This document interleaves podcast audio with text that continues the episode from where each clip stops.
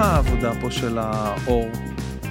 אני מאוד התרשמתי מהסידור של הסטודיו שלך. אני פחדתי שאתה מגיע לפה, אתה יודע, אתה מאסטר לא, בעבודת... אני, אני חייב להגיד לך משהו, מעולם לא הערתי, גם כשבאים לצלם אותי צלמים שהם נורא בלחץ, אה, ואני תמיד, אני לא, אני לא מבקש לראות, מבחינתי תעשה את היצירה שלך. אשכרה.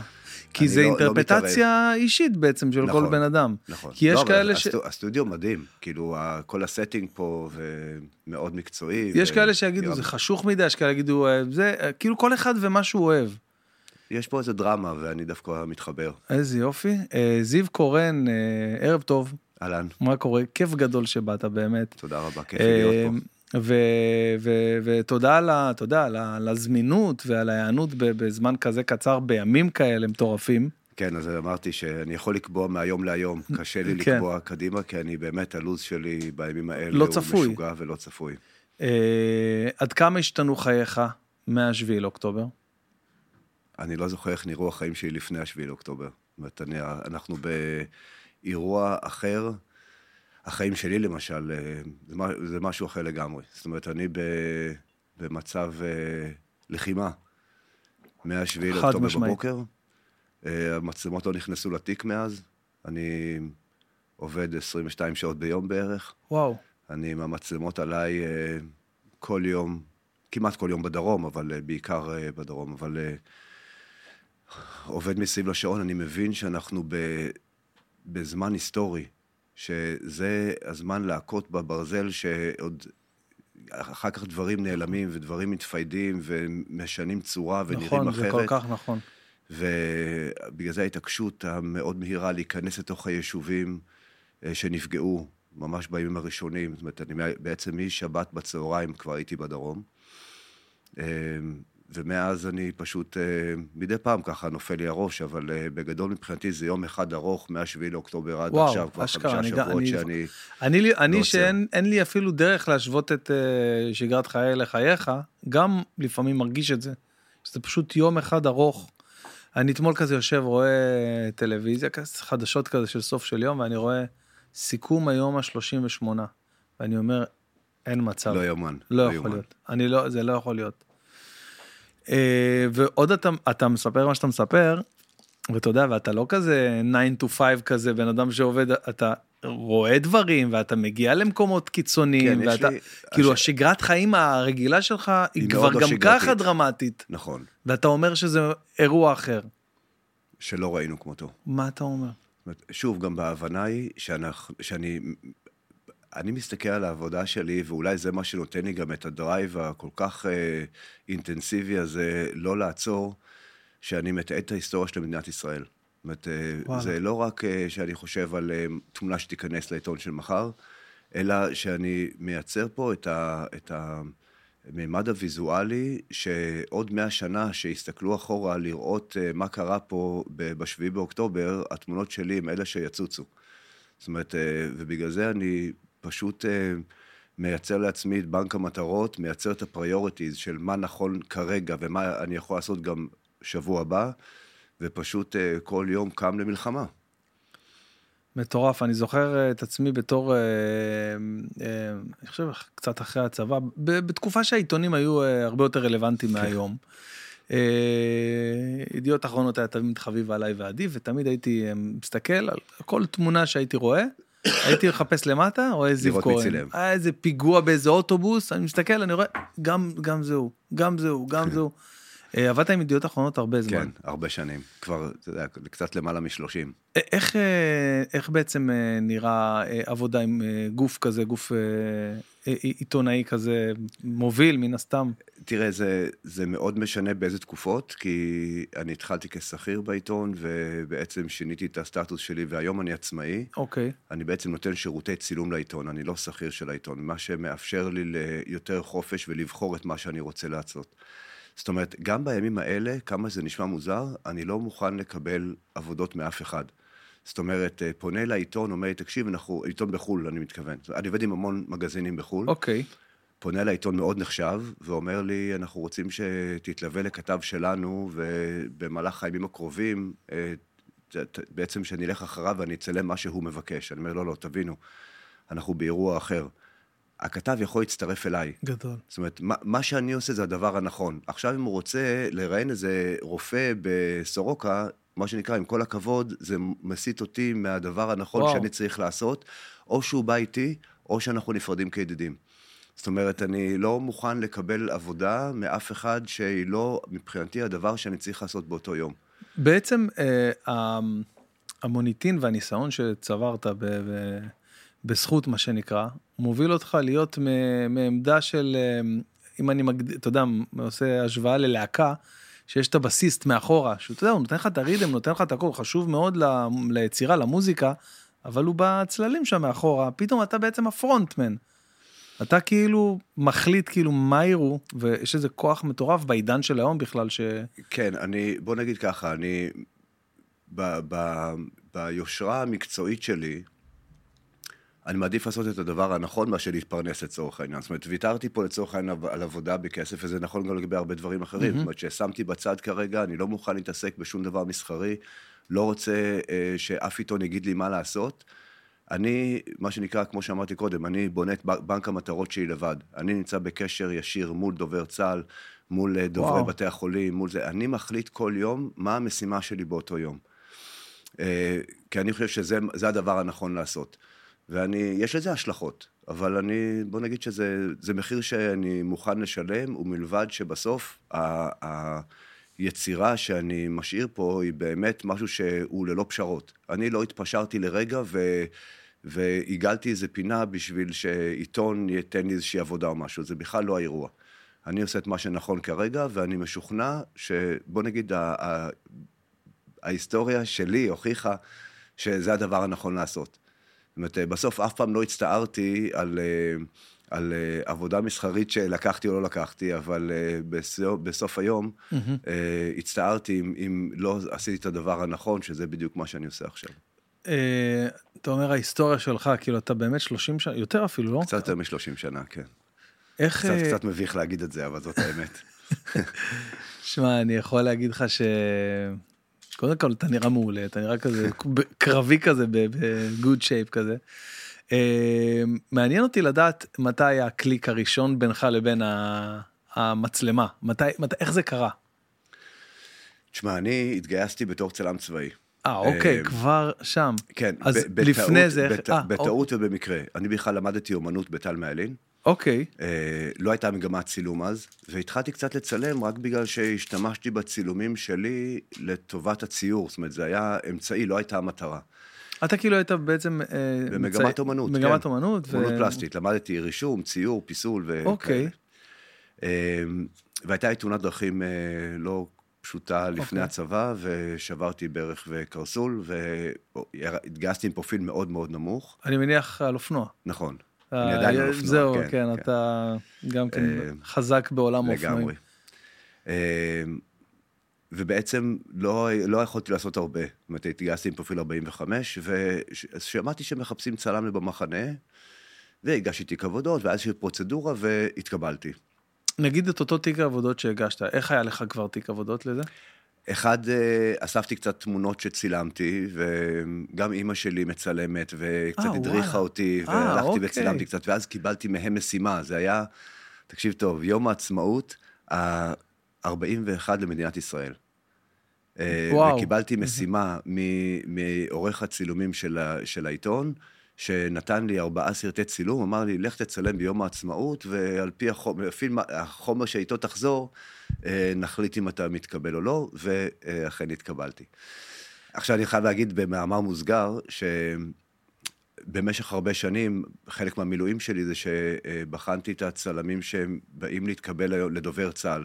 אה, אוקיי. ואני אומר לך, היום הרמה היא הרמה. כל כך הרבה יותר גבוהה, שאני היום לא הייתי מקבל את עצמי עם התיק עבודות שאותו הגשתי אה, מתישהו בשנת 89 ש...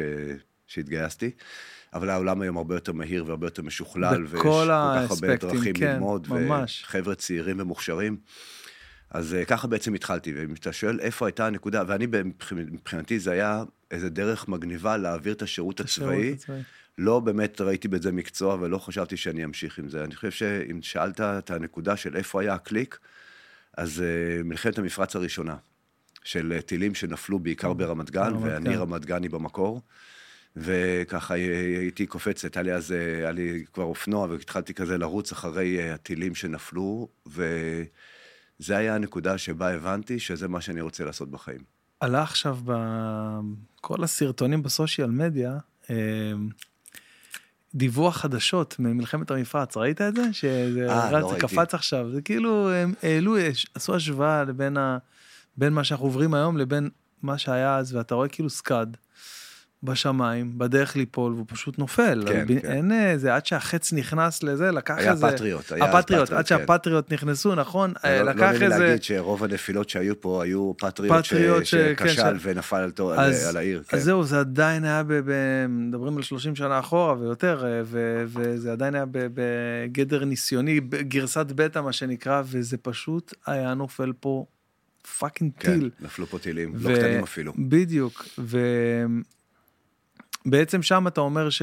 רגע, אז אתה, אתה כבר אז, במלחמת המפרץ, אתה אומר שהתאהבת בזה והיה את הקליק, אבל אני מזהה פה עוד איזה משהו של, אה, איך אני אגדיר את זה? לרוץ לאש, כבר שם.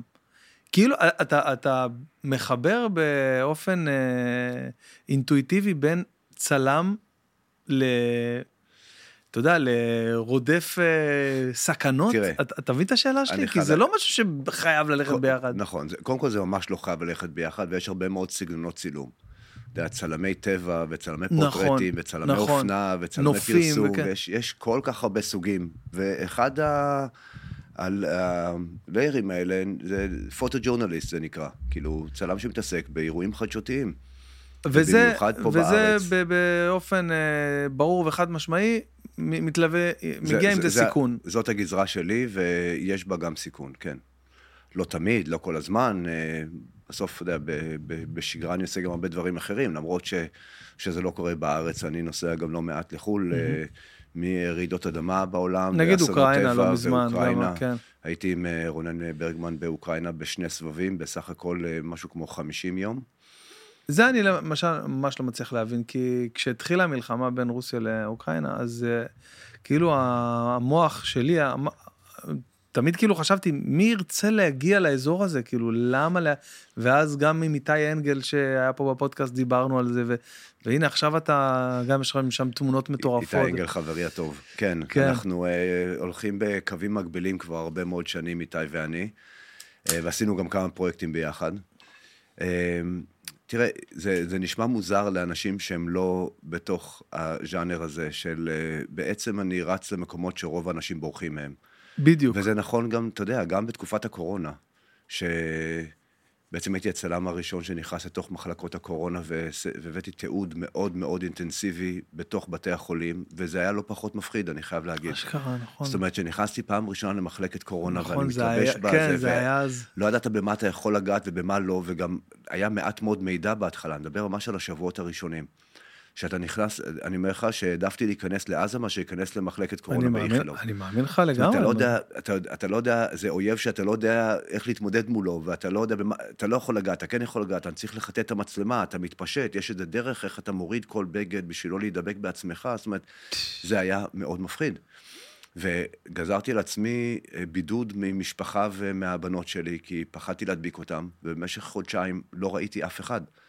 זאת אומרת, אה, הייתי מגיע להורים שלי, יושב בחצר במרחק של עשרה מטר, והם היו פותחים את הדלת ועומדים אה, במרחק, אה, וככה היינו מנהלים איזה שיחה, כי רציתי לבוא לבקר אותם, וזה, זה שוב, אתה לוקח על עצמך איזושהי מחויבות, שאני אומר, אני צריך, לצ... צריך לתעד את התקופה הזאת. באמת, בס- בסופו, בסופו של יום הוצאתי ספר על, אה, על הקורונה ועל התקופה. כשאתה אומר הוצאת ספר, אחד מתוך 20 שיש לך, כן. תשמע, זה נתון שהעיף אותי. הוצאתי 21 ספרים. די, זה, זה באמת, כאילו, מה אתה רציני? כאילו כן. רק תמונות או עם לא, מילים? לא, לא, גם יש... יש גם מילים. הרוב זה, זה תמונות באמת, זאת אומרת, זה אלבומי תמונות מכל מיני סוגים, אה, אבל כמובן שיש גם לא מעט טקסטים. לא, ספרים, יותר- ספרים, כן. ספרים, ספרים, ממש ספרים, כן. תשמע, זה באמת, אה, מי שאי פעם ניסה אה, לחשוב על... לעבוד על מחשבה של ספר, זה...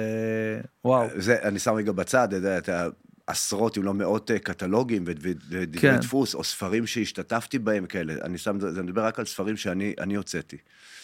זאת אומרת, בקורונה הוצאתי ספר, זאת אומרת, שאני אני הפקתי אותו בעצמי, זאת אומרת, כן. לא, בלי הוצאת ספרים. אוקיי. זאת אומרת, הלכתי, זאת אומרת, אני שכרתי את ה... כן, כן, כן, אני מכיר את את התהליך הבית הזה. דפוס ואת כן. המפיק דפוס וגרפיקאית ו- ועורך לשוני וטקסטים והכל. זאת אומרת, אני בונה לעצמי את ה... כמה זמן לקח להוציא את זה לפועל? חצי שנה בערך? שמונה חודשים אוקיי. עבדנו על זה, אמ, עד, שהספר יצא, כן. ועשיתי הדסטארט, זה היה ממש, זאת אומרת, אה, מין איזה. ניס... משהו מאוד ניסיוני כזה, גם אה, מבחינתי, לעשות משהו שהוא self-sufficient לגמרי. זאת אומרת, שאני מרים אותו מאלף עד תף לבד, ויש, בפרויקט כזה גם צריך לקחת בחשבון, יש משהו כמו עשרת אלפים החלטות שאתה צריך לקחת.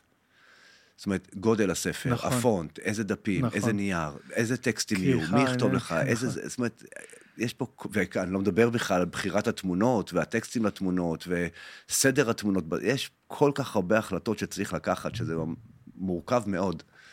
תגיד לי, היום, אה, עד כמה זה קשה להיות אה, צלם בעידן הזה ש... שכולנו צלמים היום, כמובן שמן הסתם יש, יש את המקצועיות ואת השנים שיש לך על הגב. אה, איפה אתה מצליח ל- ל- להתבלט, למצוא את הייחוד, כשהיום כל אייפון מביא תמונות מטורפות, ולפעמים, אתה יודע, אנשים תופסים איזה רגע מדהים, ב... נכון. בלי לדעת אפילו מה הם עושים. תראה, אני אחלק את זה לשניים.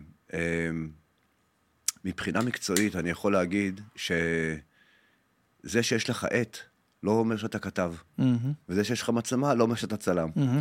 עכשיו, זה בסדר שמבחינה, בוא נגיד, ברמת האינפורמציה הוויזואלית, בהרבה, יש לזה גם הרבה מאוד יתרונות. תחשוב על מלחמת האזרחים בסוריה, ועל דברים שיוצאים מתוך איראן, ועל דברים שיוצאים מתוך, אה, ממקומות מסוימים באפריקה, שלולי הסושיאל מדיה והיכולת שאנשים לצלם בטלפון ולהוציא את המידע הזה החוצה, לא היינו חשופים למידע הזה בכלל. נקודה מעניינת מאוד. אז, אז בסך הכל אפשר לראות בזה גם הרבה מאוד יתרונות.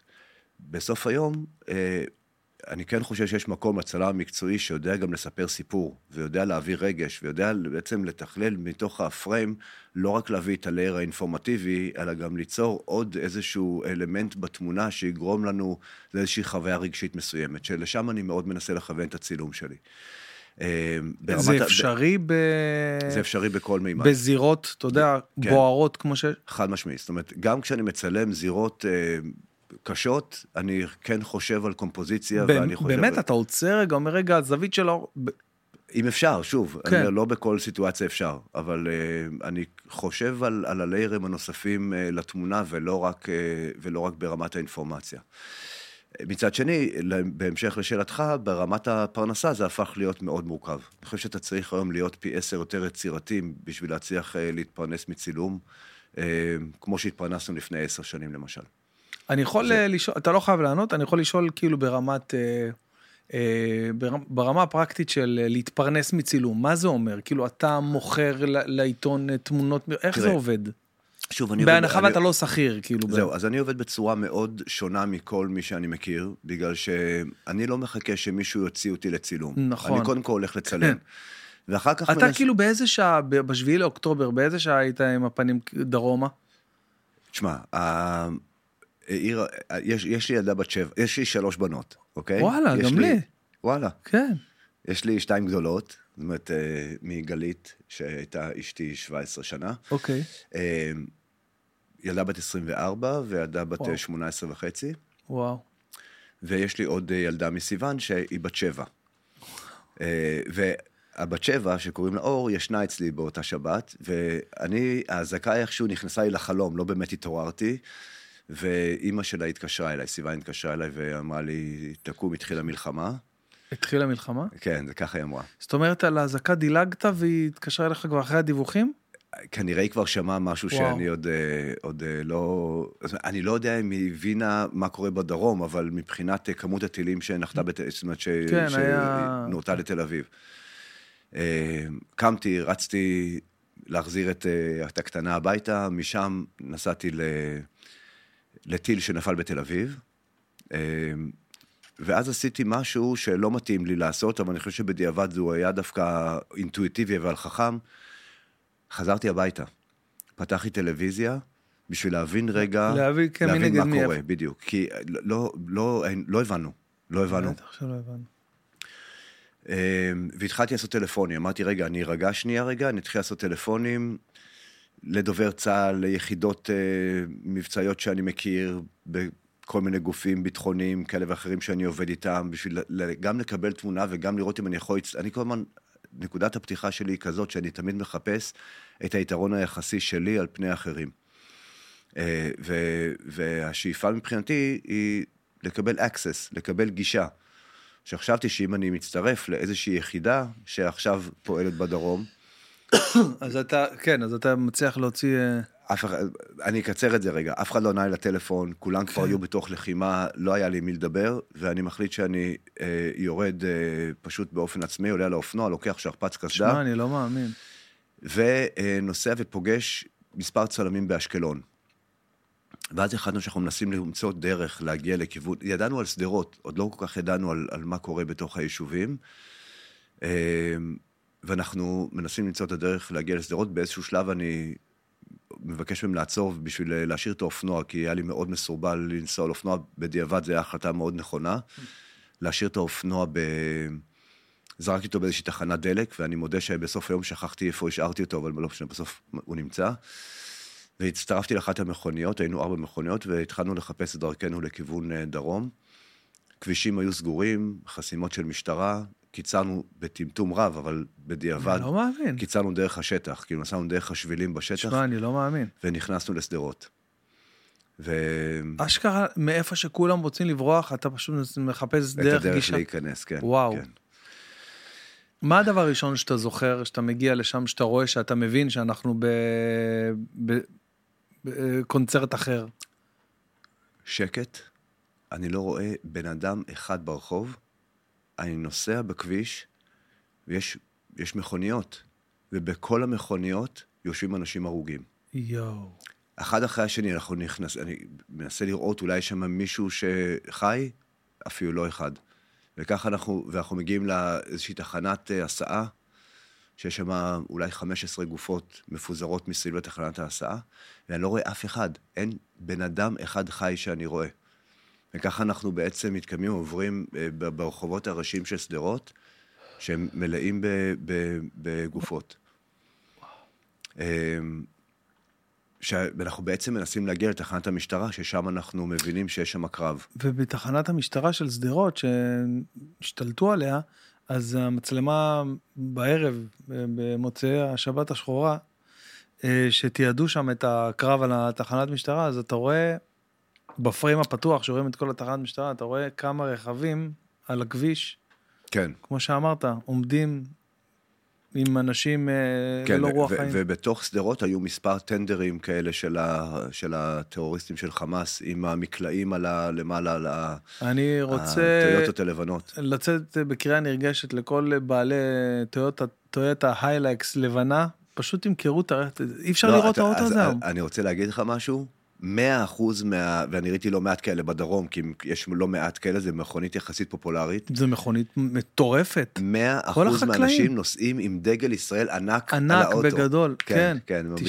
תשמע, להרגיע, זה- בשביל, בשביל להרגיע את האנשים. אני היום בבוקר ראיתי אה, את האוטו הזה נוסע בטיילת בבת ים, נוסע, אחי, ונהייתי לבן, אני אומר לך פעימה, ממש, כן. ממש מחסיר פעימה. כן.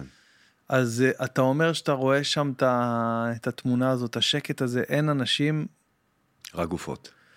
ואתה לא פוחד בשלב כזה שאתה נכנס פה ל... ל... אתה יודע, ל... תראה, אני, אה, אני חייב להגיד לך משהו לגבי פחד, וזה נכון לגבי כל מה שקרה תראה, גם. יש לך ילדות, יש לך, זה כאילו, זה לא שאתה עכשיו, אה, זה נכון. יש אנשים שדואגים לך ברמה... תראה, אה, חייב להיות לך מידה מסוימת של פחד. אם אתה לא מפחד בסיטואציה מסוכנת, או שאתה לא מבין את הסיטואציה שבה אתה נמצא, או שאתה סובל מעודף ביטחון עצמי. ובשני המקרים, you're fucked. זאת אומרת, אתה חייב, זאת אומרת, הפח, לא פחד כזה שמנהל אותך ואתה בחוסר תפקוד, אבל סוג של פחד שגורם לך להיות ערני ולהבין שאתה נמצא בסיטואציה מסוכנת. כי אחרת אתה לא יכול לתפקד.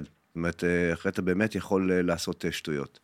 זאת אומרת, אתה, אתה פועל בד, באופן מסוים. אני נכנס, עשיתי גם, גם בשבועות האחרונים, נכנסתי כמה פעמים עם uh, כוחות uh, של החטיבה הטקטית של מג"ב, או זאת אומרת, כל מיני יחידות uh, מסתערבים, uh, למעצרים uh, של uh, פעילי חמאס ופעילי דאעש, דרך אגב, בכל מיני מקומות בשטחים. מה זה פעילי דאעש? עכשיו? כן, כן, כן. תפסו פעילי דאעש בתא טרור בשומרון. וואלה. כן. זה לא משהו שעבר מהעולם? עדיין יש? די? קיים, כנראה, וואלה. מסתבר. אוקיי. אומרת, אה, בוא נגיד שאין אה, אה, אין חוסרים ב, בארגוני הטרור. ארגוני טרור זה לא כן. לא משהו, כן. בקיצור, זה, אתה מבין שאתה צריך ללכת, בין, אתה מצלם בעצם מה שאתה יכול ולא מה שאתה רוצה. אני רוצה לקפוץ עכשיו מהצד, אתה לא יכול, אתה תבין שאתה נמצא באיזשהו טור מסוים, יש סדר הליכה מסוים, הצוות פריצה שפורץ לתוך הבית, אתה לא יכול לעמוד ממש מאחוריו, אתה צריך לקחת לג טיפה אחורה, זאת אומרת, יש סדר מאוד באופן שבו הדברים מתנהלים, ואתה צריך להבין שאתה עובד בתוך אירוע שאתה לא עושה מה שמתחשק לך. מה רמת המיגון שלך? כאילו קרמי וקסדה? כן, ו... כן. כאילו כן. כמו חייל לא כן, חמוש. אני, גם, גם ביום-יום, אני, זאת אומרת, יש לי מספר שכפ"צים פרטיים שלי, זאת אומרת, אני לא צריך שמישהו ייתן לי שכפ"ץ, אני... אה, כזה של פרס כזה. כן, אני בוגר אוקראינה ועשיתי לא מעט אה, אירועים אה, ביטחוניים משמעותיים במהלך הקריירה שלי. יש לי... וסטים שתפור למידותיי, אפילו עם הסוג דם שלי על התפור על הווסט. כן, על הווסט. אה, וקסדה כמובן, כן? אז אני, יש לי כמה סטים כאלה שאני אה, מחליף, אה, תלוי באיזה מידת מיגון אני צריך, אז אני כל פעם מחליף וסט. מה היה הדבר הכי, כאילו, שהכי קרוב, הסכנה הכי אה, מסוכנת שחווית, אתה יודע, כאילו קרובה? בכלל, בכלל בקריירה? כן, אני יודע, משהו ש... מעניין, מעניין אותי לפני זה, אני סתם, מעניין אותי לשאול איך, איך נראית עזה היום. כאילו, אתה היית שם לא מזמן. הייתי בעזה לפני כמה ימים, אה, בתוך העיר עזה. אה, בתוך העיר עזה? בתוך העיר כאילו, עזה, כן. שזה ממש אה, כמעט במרכז של הרצועה. נכון. זאת אומרת, זה עדיין בחלק הצפוני. כן, בחלק הצפוני יותר, אבל כן. העיר, העיר נמצאת כן. בחלק הצפוני, זאת אומרת, יש לך ב, בצפון הרצועה את בית להיא, בית חנון וכאלה, כן. ומתחת לזה יש, כן, כן את, אה, נמצאת העיר עזה בעצמה. בתים הרוסים לגמרי. זאת אומרת, כמעט ולא ראינו בתים שלמים. אה, עזה מרוסקת. תשמע, אני, אני מנסה לחשוב על זה היום. אה, בסוף שנות התשעים נסעתי, קלינטון הגיע לביקור בעזה, ואני נכנסתי דרך מחסום ארז, ישנתי בבית מלון בעזה, די. ובמשך שלושה ימים תיעדתי את הביקור של קלינטון, והסתובבתי ברחובות. די. ו... ואז, עוד כמה שנים אחר כך, היה איזה אירוע של שחרור אסירים. ואני פשוט עברתי לצד, זה כל מה ש... זה הכל לפני ההתנתקות. מההתנתקות כן. אסור היה לישראלים כן, להיכנס, אי אפשר היה כן. להיכנס, אבל היה שחרור אסירים, ואסירים אה, עברו את המחסום לתוך עזה, אני עברתי איתם, ולקחתי מונית ונסעתי לבית של אחד האסירים, וכולם שם עם נשקים ואקדחים יורים באוויר. לא מאמין. אני חושב על זה היום, שזה כמעט בלתי נתפס ש... ש... הייתי, שצילמתי את האירועים האלה. כאילו מה, איך... איך כאילו, ה... אני גם מסתכל לא רק כלפיך, אני רואה כאילו כלפי כל הגופי תקשורת בעולם שבאים לסקר ולתעד, וזה כאילו איך, איך אותם אה, רוצחים מתועבים כאילו, אה, לא... למרות שראינו נגיד מקרים בדאעש של שכן אה, לקחו תראה, עיתונאים. אין, אין לך היום, לא נעים לי להגיד את זה, אין לך שום הגנה בתור עיתונאי. זה לא עצם זה שאני ישראלי, זה, זה סכנה מיידית ומוחשית. שם קודם כל... אבל כאילו אתה רואה לפעמים את סתם את אוהד חמו ממש איתם שם, מדבר נכון, איתם. נכון. איך זה קורה? כאילו, איך... זה בדרך כלל מישהו שמזמין אותך לתוך, להיכנס איתו ביחד, זאת אומרת, אתה, אתה לא סתם עכשיו נכנס ו, ומסתובב בתוך הצד הפלסטיני. אמ, היו שנים שעשיתי את זה המון, שפשוט היינו נכנסים, אה, עשיתי גם כתבה גדולה עם אה, אבי סחרוב, שעשינו כזה סיבוב בכל הערים הפלסטיניות, דווקא באיזשהו ניסיון לחפש את ה... את הקול השפוי ואת הרצון של האוכלוסייה המקומית אה, לאיזושהי נורמליזציה, ושהם רוצים שבסוף יהיה חינוך טוב לילדים שלהם ושיהיה להם פרנסה וכולי. אז, אז, אז כן, אנחנו פשוט נכנסים, איזה, מה שאתה אומר זה להיכנס לתוך אירוע של קונפליקט בין אה, מה, מה שחמו נכנס כמה פעמים, ובאמת בגבורה, והוא באמת אה, כתב אדיר בעיניי. לא נורמלי, באמת. שהוא מצטרף לפתח ב, ב, קלאשים של מול פת"ח לחמאס למשל, אז, אבל חייב להיות משדך שמכניס אותך לתוך הכוח הזה, וזה כמו שאני מצטרף לצבא לצורך העניין. אתה חייב קשרים, זאת אומרת, אתה חייב מישהו שימשוך אותך פנימה באירוע כזה, אתה לא יכול סתם פשוט להופיע, להגיד, אהלן, באתי לצלם. כן. זאת, עכשיו, בהרבה מקרים מסוכנים, אתה נכנס לסיטואציה שאתה לא מבין, ש... ופתאום יש איזושהי אסקלציה, ופתאום קורה משהו שהופך את זה למאוד מסוכן. אני פעם נכנסתי עם צביקה יחזקאלי לצלם אה, מבוקשים בג'נין, ונהייתה שם הפגנה מטורפת עם, אה, שכולם יורים באוויר, יו. וזה נהיה באמת כאילו אירוע מאוד מאוד אה, מסוכן. וגם היה לנו, היה לנו מקרה אחד ש... שקיבלנו טלפון מהשב"כ שמודיע לנו שמחפשים אותנו בתוך מחנה הפליטים שאנחנו, בזמן שאנחנו שם. וואו. קיצור, אה, היו מקרים אה, לא פשוטים. איך זה נגמר הדבר הזה? כאילו, חילצו אתכם? כש, או... אנחנו יצאנו החוצה, זאת אומרת, אה, לפני, ש, לפני שהייתה תקרית. וואו. וזה היה, זה מה ששאלתי, כאילו, הכי קרוב שהיה לך, או אחד מהמקרים? היו, היו לא מעט, היו לא מעט מקרים. בן אין לך אני מניח אם לא אמרת לא, יש לי, אז, יש לי שלוש, בנות. שלוש בנות אז כאילו נגיד אם היה לך בן היית דוחף אותו למקצוע הזה כאילו מה פתאום השתגעת? תברח. בשום אופן לא כל דבר אחר חוץ מלהיות צלם עיתונות. אה, אבל זה לא התחיל בתור אה, צלם עיתונות זה לפני זה כאילו אני עשית עוד דברים אני לא אני התחלתי מעיתונות זה התחיל מזה כן, אוקיי. כן, כן. יש איזושהי, איזושהי מיסקונספציה כזאת, שאולי התעסקתי פעם באופנה בגלל, בגלל שההקשר לגלית אה, גוטמן אה, גרושתי. אבל אה, גם בתקופה שהיינו נשואים, מעולם לא צילמתי אופנה, וזה לא, לא ביוטי, זה לא תחום שלי בכלל. כן, זה לא משהו שדווקא בגלל גלית עניין אותך, או הייתה... ההפך, לא, לא, לא. כל אחד היה את התחום שלו, זאת אומרת, לא ערבבנו בבית עבודה, מעולם לא צילמתי אותה. די. כן. זאת אומרת, שוב, תמונות משפחתיות כן. שאנחנו נוסעים עם הבנות לחו"ל, אבל, אה, אבל אה, מעולם לא צילמת בעבודה, כאילו. איזה קטע זה להיות איתך בחו"ל, כאילו? איזה, איזה, איזה יתרון זה, כאילו? תצלם אותי, צלם. זהו, תקשיב. כל יש, קליק, יש, כל קליק לא, מיליון תקשיב, דולר. יש יתרון, אבל גם יש חיסרון. זאת אומרת, אה, גלית יכולה להגיד לי, צלם את הבנות, כן, אבל האור לא טוב, כאילו, האור לא טוב, לא, לא מצלם. לא מצלם. אז זה, זה, לא, זה לא רק יתרונות, יש גם, יש גם חסרונות, כן. שמעתי אותך אומר פעם שצילום זה הכל בעצם אור. נכון. אומרת, כל אה, אה, כמות של אור שנכנס. ומאיך בא האור, זאת אומרת, אני, אני עשיתי פרויקט אה, לפני, וואו, כבר עשר שנים. יומן מסע? לא, שנקרא Writing with Light. אוקיי.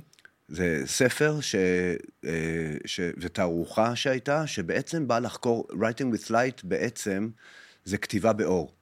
המילה פוטוגרפי מורכבת משתי מילים ביוונית, שזה פוטוס וגרפוס, שהפירוש שלהם זה writing with light.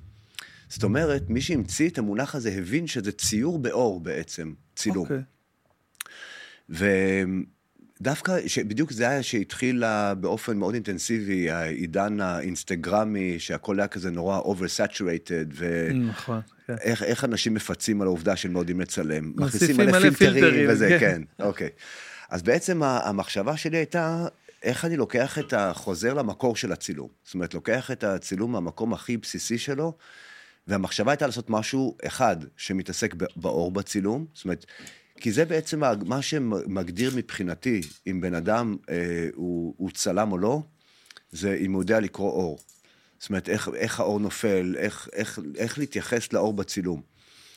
אה, זה משהו שלומדים כאילו נגיד בתור תאורן אה, או בתור אני אני מניח שכן מאחר ואני אוטודידקט אני לא יודע להגיד לך מה אה, תאורן לומד וואלה אבל אה, יצאתי למסע לחפש את האור במובן המאוד חילוני של המילה. וזה חשבתי שזה ייקח איזה שנה וזה לקח איזה ארבע שנים. ובעצם יצרתי פרויקט שנקרא Writing with Light, שכולו מתייחס לאור כאלמנט הכי משמעותי בעצם בצילום. פרויקט צולם בשחור לבן. אה, זה, היית באיזה 26 מדינות. נכון, נכון. אה, אוקיי, זה גם... הרעיון היה, אה, לא התייחסתי כל כך לנושא, הנושא הוא האור, אז בעצם יכולתי לציין כל דבר שהוא, מלבד שהאור יהיה אה, אלמנט דומיננטי אה, בצילום. ו... ובסוף... בעצם כשאתה מוריד את הצבעים, כי נגיד אם אני רואה עבודות שלך, אני רואה הצבע מככב שם בקטע מטורף. נכון. ואם אתה מוריד את האלמנט הזה, שהוא כאילו נותן את כל החיים והאנרגיה והיופי לתמונה, אתה בעצם מתעסק נטו עם ה... עם המקצוענות נכון, בדיוק. של להבין את האור. בדיוק. אז זה, זה, זו הייתה המחשבה. אחד, כי רציתי קצת לחזור למקור של הצילום, שהוא צולה, בעצם המקור התחיל בשחור לבן. והדבר השני, אם אתה מוריד, כמו שאמרת, אם אתה מוריד את הלייר הצבעוני, אתה נשאר בעצם עם שני האלמנטים הכי חשובים בצילום, זה אור וקומפוזיציה. ובעצם, אתה בעצם מזקק את, ה, את האירוע הזה בצורה הרבה הרבה יותר מדויקת. אז פרויקט אחד מאוד גדול ומשמעותי, שכולו צולם בשחור לבן, באמת לטובת ההסתכלות על, על אור ממקום אה, מאוד שונה. אה, אמרת יומן מסע, אז בעצם יומן מסע זה... שאלת בעצם לגבי ענייני הפרנסה, אז בעצם אני סוג של תמנון כן. שמפוזר ל... יש לי איזה שמונה זרועות שכל אחת עושה משהו, הכל בצילום כמובן, אבל כל אחת עושה משהו אחר, ויומן מסע זה בעצם חברה של אה, בחור בשם איתמר פלג, שהוא... אנחנו בסוג של שותפות יצרנו איזושהי פלטפורמה למסעות צילום בעולם, שאנחנו אה, כל פעם נוסעים לאיזה חור אחר משוגע, ולוקחים איתנו קבוצה של צלמים אה, סמי חובבים, חובבים, okay. אוקיי. סמי מקצועיים, זאת אומרת, בכל הרמות, ועושים סדנת צילום מתגלגלת, מה שאני מגדיר traveling workshop. שסדנת לימוד על צילום דוקומנטרי, וזה כל פעם במדינה אחרת בעולם. וזה משהו שנורא תפס, כי גיליתי גם שאנשים, אחד, צילום זה התחביב הכי נפוץ בעולם. זה בהגדרה, כן, כאילו, נכון. כבר הרבה מאוד שנים, עוד הרבה לפני ה social media וכולי. דבר שני, אנשים היום מאוד רוצים להשקיע בתרבות הפנאי שלהם. מוזר קצת לדבר על זה היום בענייני המלחמה, אבל, אבל נדבר על החיים, של, החיים הקודמים שלנו לפני השביעי באוקטובר. ואנשים רוצים תוכן, ורוצים ללמוד, ורוצים להתפתח, ורוצים אה, להעשיר את הידע שלהם אה, ואת היכולת הטכנית שלהם.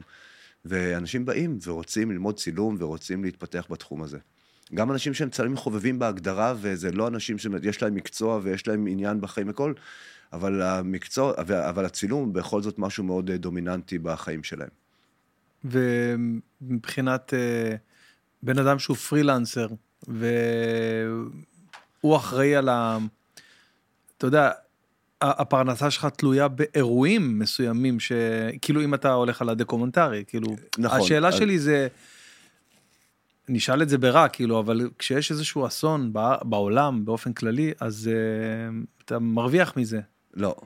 כאילו, בעקיפין נניח, תראה, אתה כאילו הולך זה, ומוציא תמונות זה, מהצונאמי זה... ו... ואם לא היה צונאמי אז היה לך פחות בתיק עבודה, אתה מבין את ה... בוא, בוא אני אגיד לך משהו, הנושא הכלכלי זה אף פעם לא מה שמנחה אותי. בסוף זה איכשהו עובד כמו חוק הכלים השלובים. אה, לא נעים להגיד לך, אבל אה, אני בחודש הזה לא הכנסתי שקל. בין, כאילו, זה, זה נכון, אז עיתונים קצת קונים ממני תמונות, זה לא מכסה את הדלק. ברמה, ברמה הזאת. כל כך מבין אותך. אז, אז אני אומר, אני שם את זה בצד רגע, אני בסוף, אה, אני ב, בשלוש הרצאות בסוף יאזן את זה, אוקיי? זאת אומרת, אני אמצא את הדרכים, אני מוכר פרינטים, אני מוציא מסעות, כאילו בסוף יהיה בסדר ואני אתאזן. אה, כרגע זה, כלכלית זה דיזסטר, אבל אני לא, זה לא מעניין אותי. אני עכשיו במשימה לאומית מבחינתי, למרות שאף אחד לא נתן לי את המשימה הזאת, זאת אומרת, אני לקחתי אותה בעצמי. אה, אבל בתור מי ש... אה, חובתי המוסרית לייצר פה גוף עבודה שיישאר פה לדורות הבאים. ככה אני מסתכל על זה, ואתה יודע, ההתעסקות הכלכלית היא בכלל לא מעניינת אותי כרגע. אני אאזן את זה מתישהו, זה יהיה בסדר. אה, מעניין אותי בגלל שאני גם אה, אמרת זה התחביב הכי נפוץ בעולם אני גם מאוד מאוד אה, חובב צילום כמו שאתה רואה מצלמות עניינים כל הדברים שגם פה וגם ב... התרשמתי. כן, התרשמתי, כן, וגם בסטילס. קודם כל אתה בחור של קנון אני מבין. נכון. תמיד היית? אני שגריר של קנון. זאת אומרת אני נמצא במערכת יחסים כן התחלתי התחלתי. לפני, בצבא צילמתי בניקון. ניקון. ואז uh, בתחילת שנות ה-90 עברתי לקנון, וב-2007 נהייתי אמבסדור, ובעצם אני סוג של שגריר בינלאומי של, אה, של קנון. היום אני עובד עם קנון ישראל, ואני עושה איתם כל מיני שיתופי פעולה, ו... זאת אומרת, יש גם, יש גם פן מסחרי מן הסתם לדבר הזה. זאת אומרת, אני, אני שגריר של אה, חברה של אה, תיקי צילום שנקראת אה, Think Tank. אוקיי. Okay. ואני שגריר של ניירות צילום שנחשבים לטובים בעולם להדפסת, להדפסה מוזיאלית. אה, על שנקראת- מה שבעצם התמונה בסוף. הנייר, כן, אני- כאילו החברה שמייצרת את נייר הצילום, חברה בשם קנסון. אז- אז- ממה מורכב הנייר הזה? מ- יש איזה לימינציה? זה- יש, יש עליו אה, בעצם סוג של גלוס עליון, אבל יש כל כך הרבה סוגים של נייר, אז אה, כל אחד בעצם מורכב בצורה שונה, אבל אה, זה ניירות שברמה מאוד מאוד גבוהה, ואחד הדברים הכי משמעותיים זה לייצר היום גם ניירות וגם דיו, שמה שנקרא archival ink ו-archival paper, זאת אומרת שלא ידהה. זאת אומרת כן. שאם אני מוכר יצירה שלי לבן אדם שרוצה לקנות אותה ולתלות אותה בסלון, שהיא לא תדהה עוד אה, חמש שנים. כן. אז uh, צריך לעבוד בסוף עם החומרי גלם המאוד מאוד איכותיים, שהם מבטיחים שזה יחזיק מעמד להרבה מאוד שנים. אז אה, אתה אומר, אה, כן, אה, אתה יודע, יש את המצלמות של פעם, של אה, 1920, האקורדיון הזה. כן, כן. יש לי במשרד, אם הפעם הבאה שניפגש. ותהיה אצלי במשרד, מה? יש לי גלריה שלמה של. תצוגה של מצלמות, מהמצלמות עץ הענקיות עם לוחות מה זכוכית. היה שם? זהו, מה היה שם מבחינה מכנית? מה היה שם? תראה, זה התחיל הרי בקאמרה אובסקורה. זה בעצם גוף עם אה, חריר, עם, עם, אה, עם עד, סוג של עדשה, ש, וזה היה יוצא בהיפוך, והיית צריך אה, לעמוד ולא לזוז במשך אה, דקה או דקה וחצי אפילו, כי לתמונה היה לוקח זמן להיווצר. זאת אומרת, באיזה שהיו- תהליך? זאת אומרת, מה, היה, מה קורה שם? אתה יודע להגיד? זה היה, זה היה, היית מצלם על לוחות זכוכית לפני שהמציאו את הצלולויד, את, את, כן. בעצם את מה שאחר כך הפך להיות הסרט צילום כן, הפילים. סרט. היית מצלם על אה, לוח זכוכית ומורח עליו אמולסיה שהיא רגישה לאור. מורח חומרים. זאת אומרת. דרך אגב, יש צלם ישראלי, אדוארד קוראים לו, שעדיין מצלם ככה. ועושה פרויקטים בכל העולם שהוא מצלם על לוחות זכוכית, וזה איכות מטורפת, זה מהמם. זה שיש לו... רגע, רגע, יש לך, כן, הבלת אותי במשוגע. יש לך אפקט שם, תוריד את זה בזה, הרגת אותי. היי. אה, הבחור הזה שיש לו את הקונטיינר הגדול הזה, לא, אתה, אתה מדבר על מישהו בחו"ל בשם JR, נכון? זה שנמצא בתוך קונטיינר, אבל אה, יש בחור ישראלי שנקרא אדוארד. מה זה, מה זה הבחור שמצלם בתוך קונטיינר? יש אה, צלם אה, צרפתי שנקרא, שהכינוי שלו זה JR, שהוא עושה פרויקטים ענקיים, מצ... יש לו משאית שהוא מצלם אנשים בתוך המשאית ומייצר מין installations אה, כאלה ענקיים, שהוא אה, עוטף בניינים שלמים בכל מיני תמונות, והוא עשה מאוד חברתי, זאת אומרת, הוא עושה בכל מיני פאבלות בריו, אה, צילם רק את העיניים של האנשים, ושם את זה על כל הקרונות של הרכבת, רק עיניים, כאילו. ענקיות, זאת אומרת, פרויקטים אדירים ש, שהבחור הזה עושה. דברים מאוד מעניינים, שהוא בסוף מחבר חתיכות של צילומים בגדלים פסיכיים, כאילו, של בניינים שלמים. בתור אה, אה, אה, צלם אה, מתחיל או בחור צעיר, היה לך איזה איידול, איזה מישהו, איזה צלם של, לא יודע, שהרצת? תראה, יש אה, צלם בשם אה, ג'ים נקטווי, שנחשב לפוטו-ג'ורנליסט, לדעתי הכי חשוב בכל הזמנים. אה, הוא איש בן אה, 75 היום. הצלם הכי מעוטר בהיסטוריה. זאת אומרת, אין פרס בעולם שהוא לא זכה בו מספר פעמים, בפרסים הכי גדולים בעולם לצילום. תעלה לנו איזה תמונה שלו, אה, סתם מעניין אותי. עכשיו, אנחנו מכירים הרבה מאוד שנים. אתה מכיר אותו אישית? כן, כן, כן. אה, אוקיי. שזכיתי בוורדפרס. אה, זהו, יש לך גם על אה, כן, פרסים. זכיתי בכמה פרסים. אמ, הוא באותה שנה זכה בצלם השנה, ונפגשנו באמסטרדם, זו הפעם הראשונה שפגשתי אותו, ושמרנו על קשר ונהיינו משהו ממש חברים. ודווקא, הנה, זה תמונות של ג'ים. פה גם אפשר לראות אותו. אז אה, ה- הסיפור המדהים שמהיום נגיד, ש... נגיד התמונה הזאת, מה כל כך לא, זה חריג? הוא, זה הוא, זה הוא צילם. לא, אה, זה- אה, נגיד זה, זה- אוקיי, לא, זה זה אפשר להבין. אוקיי, ה- אז זה- זה ההבדל. זה כן, לא- אוקיי. זה- אז זה- זה ההבדל. הבחור, אנחנו מדברים על... אה, זה הבחור, הוא באמת, אה, וואו, הוא, הוא אגדה. די. זאת אומרת, מה זה? זה מה זה אדם- התמונה הזאת? זה בן אדם ש... אה, זה אוקיי, ת- אם, תסתכל על, על הבחור האפריקאי עם הצלקות, אם כן. תוכל להגדיל את התמונה הזאת בדיוק. זה, זה הסדרה שעליה הוא זכה כ- בצלם השנה בוורדפרס פוטו. זה המלחמה ברואנדה בין ההוטו לטוצי. אה, וזה בחור שקיבל אה, מכות מצ'טה בפרצוף. אלוהים ישמור. אה, אז הסדרה הזאת שלו אה, זיכתה אותו בצלם השנה. עכשיו, מה שרציתי לספר, זה שג'ים התקשר אליי ביום שהתחילה המלחמה, ואמר לי, תקשיב, אני עוקב אחרי התמונות שלך, וזה מדהים, ואחרי ארבעה ימים אמר לי, תקשיב, אני לא מסוגל לשבת בבית, האיש בן 75. בא לפה? בא לפה. די. ונסע איתי באוטו אה, במשך עשרה ימים, בשביל לראות במו עיניו את מה שקורה פה בארץ. והכנסתי אותו לבארי ולניר עוז? ולכפר עזה ולמקומות עם הצבא ולבתי חולים וזה, והסתובבנו אה, ביחד עשרה ימים, כי היה לו חשוב במו עיניו לראות את אה, מה שקורה בארץ. עכשיו, שתבין שלפגוש את אה, ג'ים נקטווי זה, זה כמו שתגיד לצייר שאני מסדר לך פגישה עם מיכלנג'לו. זה בערך באותה רמה, מה אתה אומר? לגמרי. וזה היה מבחינתי אה, כבוד גדול שהוא בא לפה, ושאירחתי אותו במשך אה, כמה ימים, וזה היה באמת אה, זכות גדולה. אז אתה יכול להגיד בכמה משפטים מה באמת המיוחד, היוניקנס שלו ב... תראה, אה, איכשהו מצליח בכל זאת להביא תמיד את התמונה שאף אחד לא הצליח להביא. גם כי הוא באמת אמיץ בצורה בלתי רגילה, והוא באמת צלם, הוא גאון. ברמת התפיסה שלו והקומפוזיציה והחשיבה הצילומית. בסוף אה, הוא תמיד הביא את, את הכי בלתי צפוי, את מה שאף אחד מאיתנו לא ראה, יש לו איזו ראייה שהיא כל כך מיוחדת שהוא אה, הוא, הוא מבריק. וואלה. מה אתה אומר על ה... יש כאילו בז'אנר הזה שלכם, של הצלמי אה, ג'ורנליסטים, אתה יודע, כן. יש, יש אה, איזשהו סוג של ביקורת. כאילו, אתם שם, יש איזה, כמו ההוא שמצלם את האיילה נטרפת. אתה יודע, יש איזה צלם שמצלם את האריה, בדיוק קופץ על האיילה, אבל זה טבע, אתה לא מתערב. אבל פה ראינו כתבים שהגיעו מה-BBC או אני לא יודע מאיזה רשת, וצילמו את המחבלים חוטפים ולוקחים. ו... בוא, אתה, בוא, אתה מבין בוא, את ה... בוא נעשה רגע הפרדה. אתה, אתה רוצה לשאול אותי לגבי לא, הגבולות המוסריים לא, שלי? לא, לא, לא שלך, זה באופן לא- כללי. אבל אין, אין פה אופן כללי. אם אנחנו מדברים רגע על צלמים בעזה, אז uh, צריך להבין בצורה מאוד ברורה.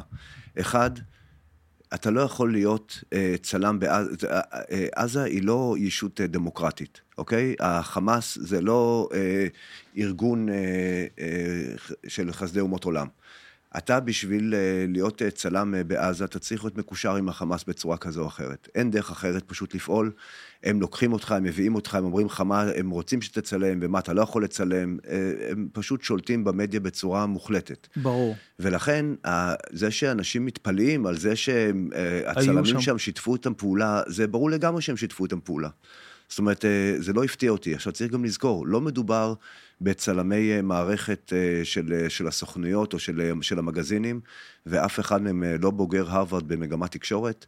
זה צלמים פרילנסרים שמנסים למכור את מרכולתם באיזושהי דרך, ופונים אליהם מ-AP, אומר, תקשיב, אני אשלח לך תמונות, כולם צריכים תמונות מעזה, אין לצלמים דרך להיכנס היום לעזה, ולכן המעברים סגורים. אפילו בצוק איתן, צלמים עברו דרך מחסום ארז ונכנסו לתוך עזה. חברים שלי שהם צלמים זרים. אה, יש לי חבר טוב, צלם יווני, אני לא אגיד את שמו בשביל לא לסבך אותו, אבל נכנס אה, לעזה ודיברתי, גם הסתמסתי איתו תוך כדי. הוא אמר לי, תקשיב, הם לוקחים אותנו, הם מובילים אותנו, אתה לא יכול לצלם מה שמתחשק לך.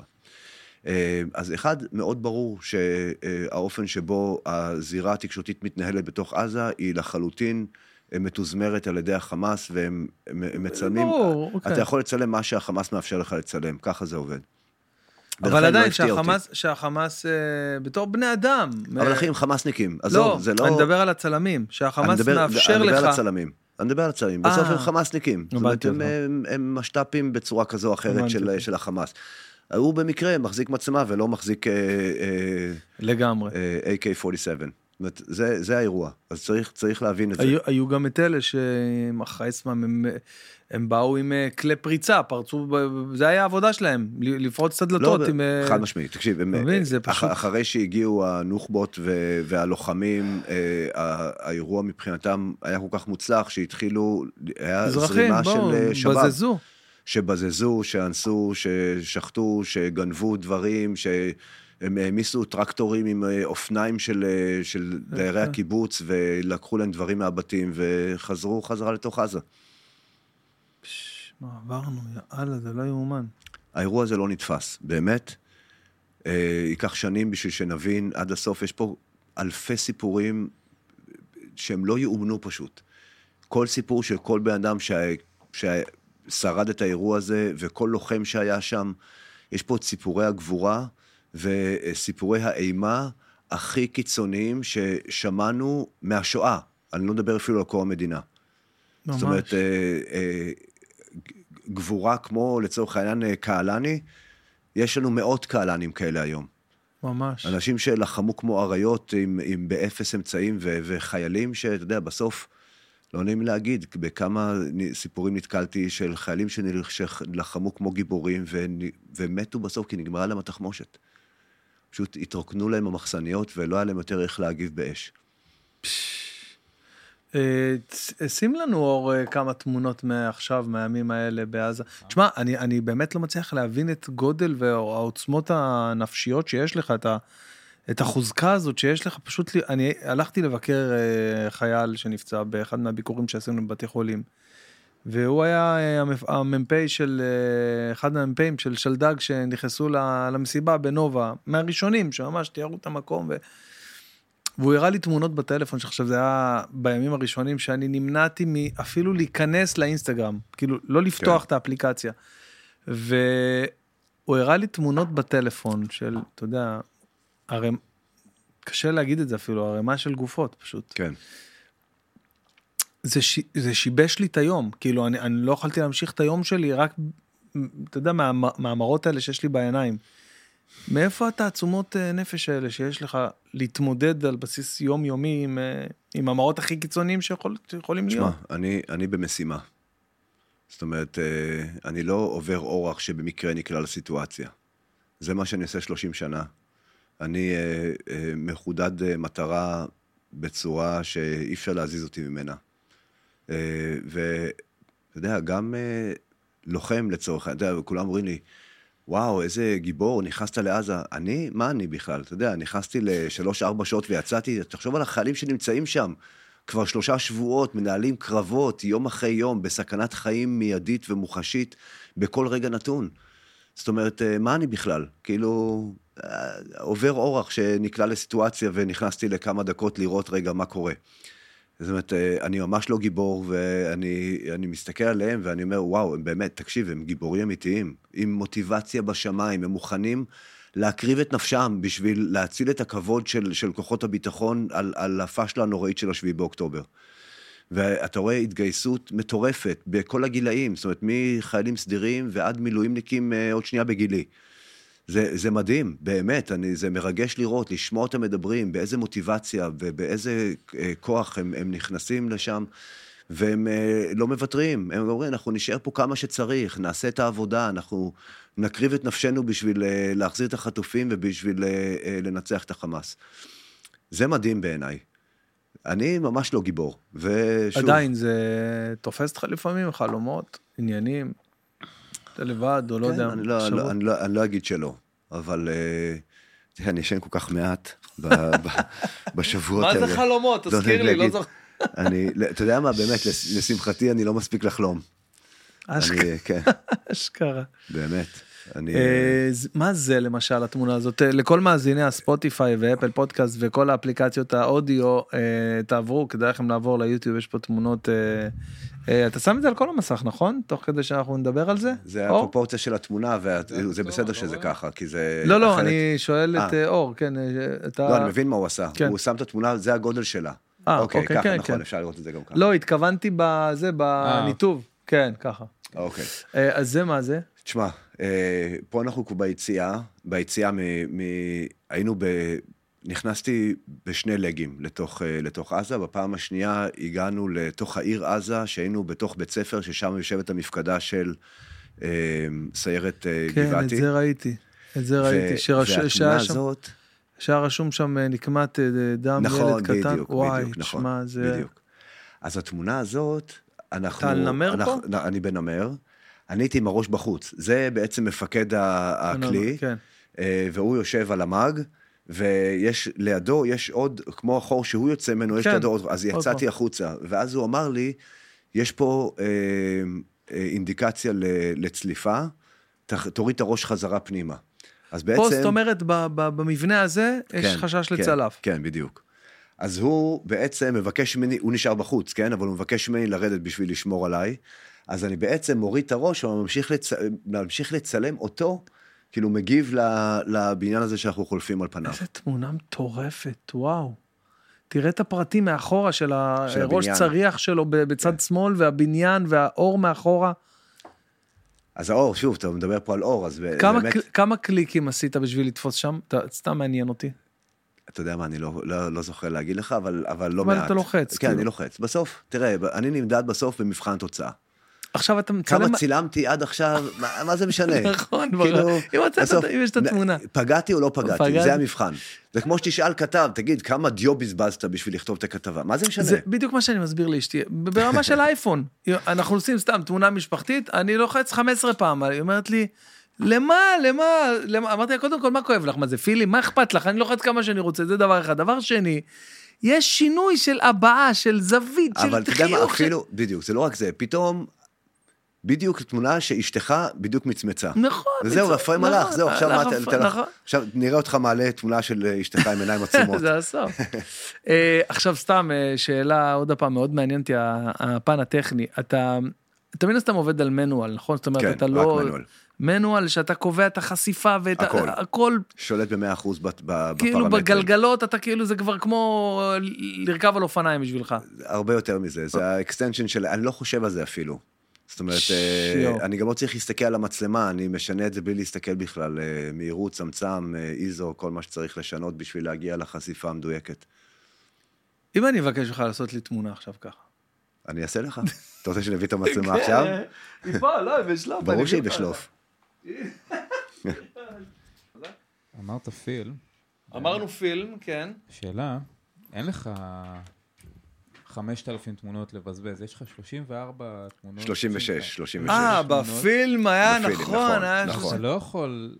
זה, זה נכון ולא נכון. קודם כל, אני הייתי, עבדתי, הייתה לי ממש מחסנית של סרטי צילום, והייתי... אה, אמ, רגע.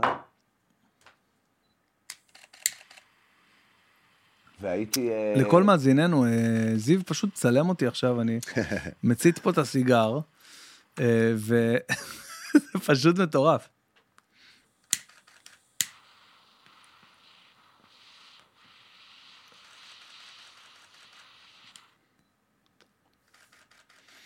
עכשיו אתה לוקח את המצב הנתון הזה, את התאורה פה יש לנו כמצב את זה, נתון. יש לנו את זה.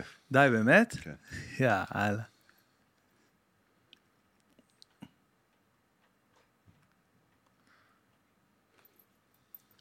אתה רוצה לראות? יואו! יואו, איזה תמונה! אור, תראה איזה תמונה מטורפת! איך אני אשים. אה! אה, למצ- הנה, יש לך פה, לא? אה, אצ- שלי פה, אבל אתה לא תראה משם. אה, טוב, אנחנו, אחרי זה הוא ישלח לנו את זה. אני אשלח, אני אשלח. עבדת על ה-1DX פעם? הייתה לי, כן, הייתה לי 1DX. כאילו זה מצלמת אין- הדגל של אה, קנון. כן, אין... עד אין- היום, או שכבר אין- יש... אין אה, מצלמה של אה, קנון שלא הייתה לי. אוקיי. זאת אומרת, אה, גם צריך לזכור, בוא, אני לא, לא בדיוק שילמתי על, עליהם. אני אומרת, הייתי מקבל כן, כל מבין. דגם, טוב, כל אוקיי. דגם חדש של מצלמה שהיה יוצא, הייתי מקבל לבחון את המצלמה עוד לפני שהיא יוצאת לשוק. אז כן, עבדתי עם כל המצלמות של קנון לדורותיהם. אדוני, יש לי פה את זאת, עכשיו קניתי אותה. לא, זה עכשיו? לא מזמן, אבל היא של המתחרים. של המתחרים. עברתי, הייתי פעם... אה, היית קנוניסט ועברת למה? עברתי לסוני. זה אה, ה- עזוב, עזוב. אלפא 7 4, ה Mark 4 החדשה. כן, לא, תשמע, האמת היא שסוני... נותנת פייט בשנים האחרונות. מתמודד ראוי, מתמודד ראוי. אה, אבל אני עדיין חושב שקנון מצלמה טובה יותר. אה, תשמע, הצלמים באמת, אה, הצלמים בעולם, אתה מכיר את פיטר מקנון? זה השם שלו? כן, פיטר, אה, פיטר מקנון הוא, אה, הוא צלם אה, צעיר, קנדי, בחור צעיר, יוטיובר כזה, הוא, מה זה יוטיובר? הוא לא... הוא, הוא נהיה יוטיובר בזכות הצילום שלו, אוקיי. אבל אה, הוא, יש לו מיליונים של עוקבים ו, וערוץ יוטיוב מטורף, והוא, ממנו למדתי המון אלמנטים בצילום. אוקיי. אה, והוא כזה ממש קנון כזה ממש גם כן שגריר שלהם. אז זה הבית ספר? זה... זה. הבית ספר, כן. זה, אנחנו רואים פה תמונה של... אה, אני, היה, בזמן שהיינו שם, היה שם אה, באמת קרב אה, פסיכי. הוא תוך כדי? כן, כן. הקרב בעצם קורה 30 מטר מאיתנו, אבל לא, לא נתנו לי, לא יכולנו לצאת החוצה בגלל שהיה שם אש לא נורמלית. וביקשתי לעלות לקומה השנייה של הבית ספר בשביל לצלם משם, ובהתחלה אמרו לי שזה בלתי אפשרי, ואחר כך אפשרו לי רגע לעלות לכמה דקות, ופה אנחנו יורדים חזרה למטה, אה, מהקומה השנייה של הבית ספר לקומת הקרקע.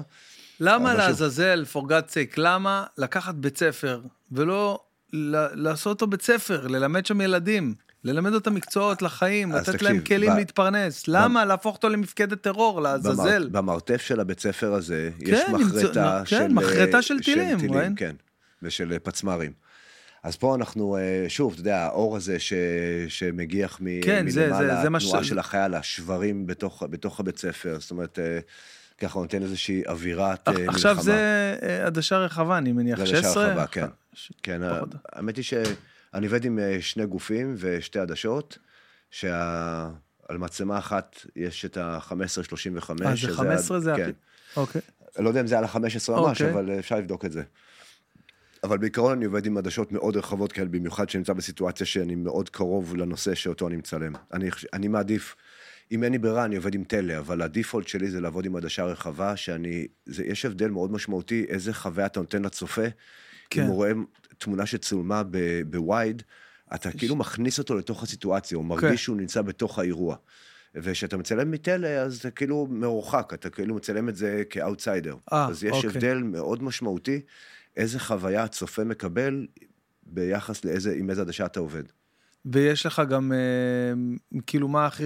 200 כאילו זה הכי רחוקה שאתה משתמש? אתה יכול להשתמש בה כזה בשלוף? יש לי, ב- בש, תראה, שוב, יש לי, יש לי לא מעט עדשות.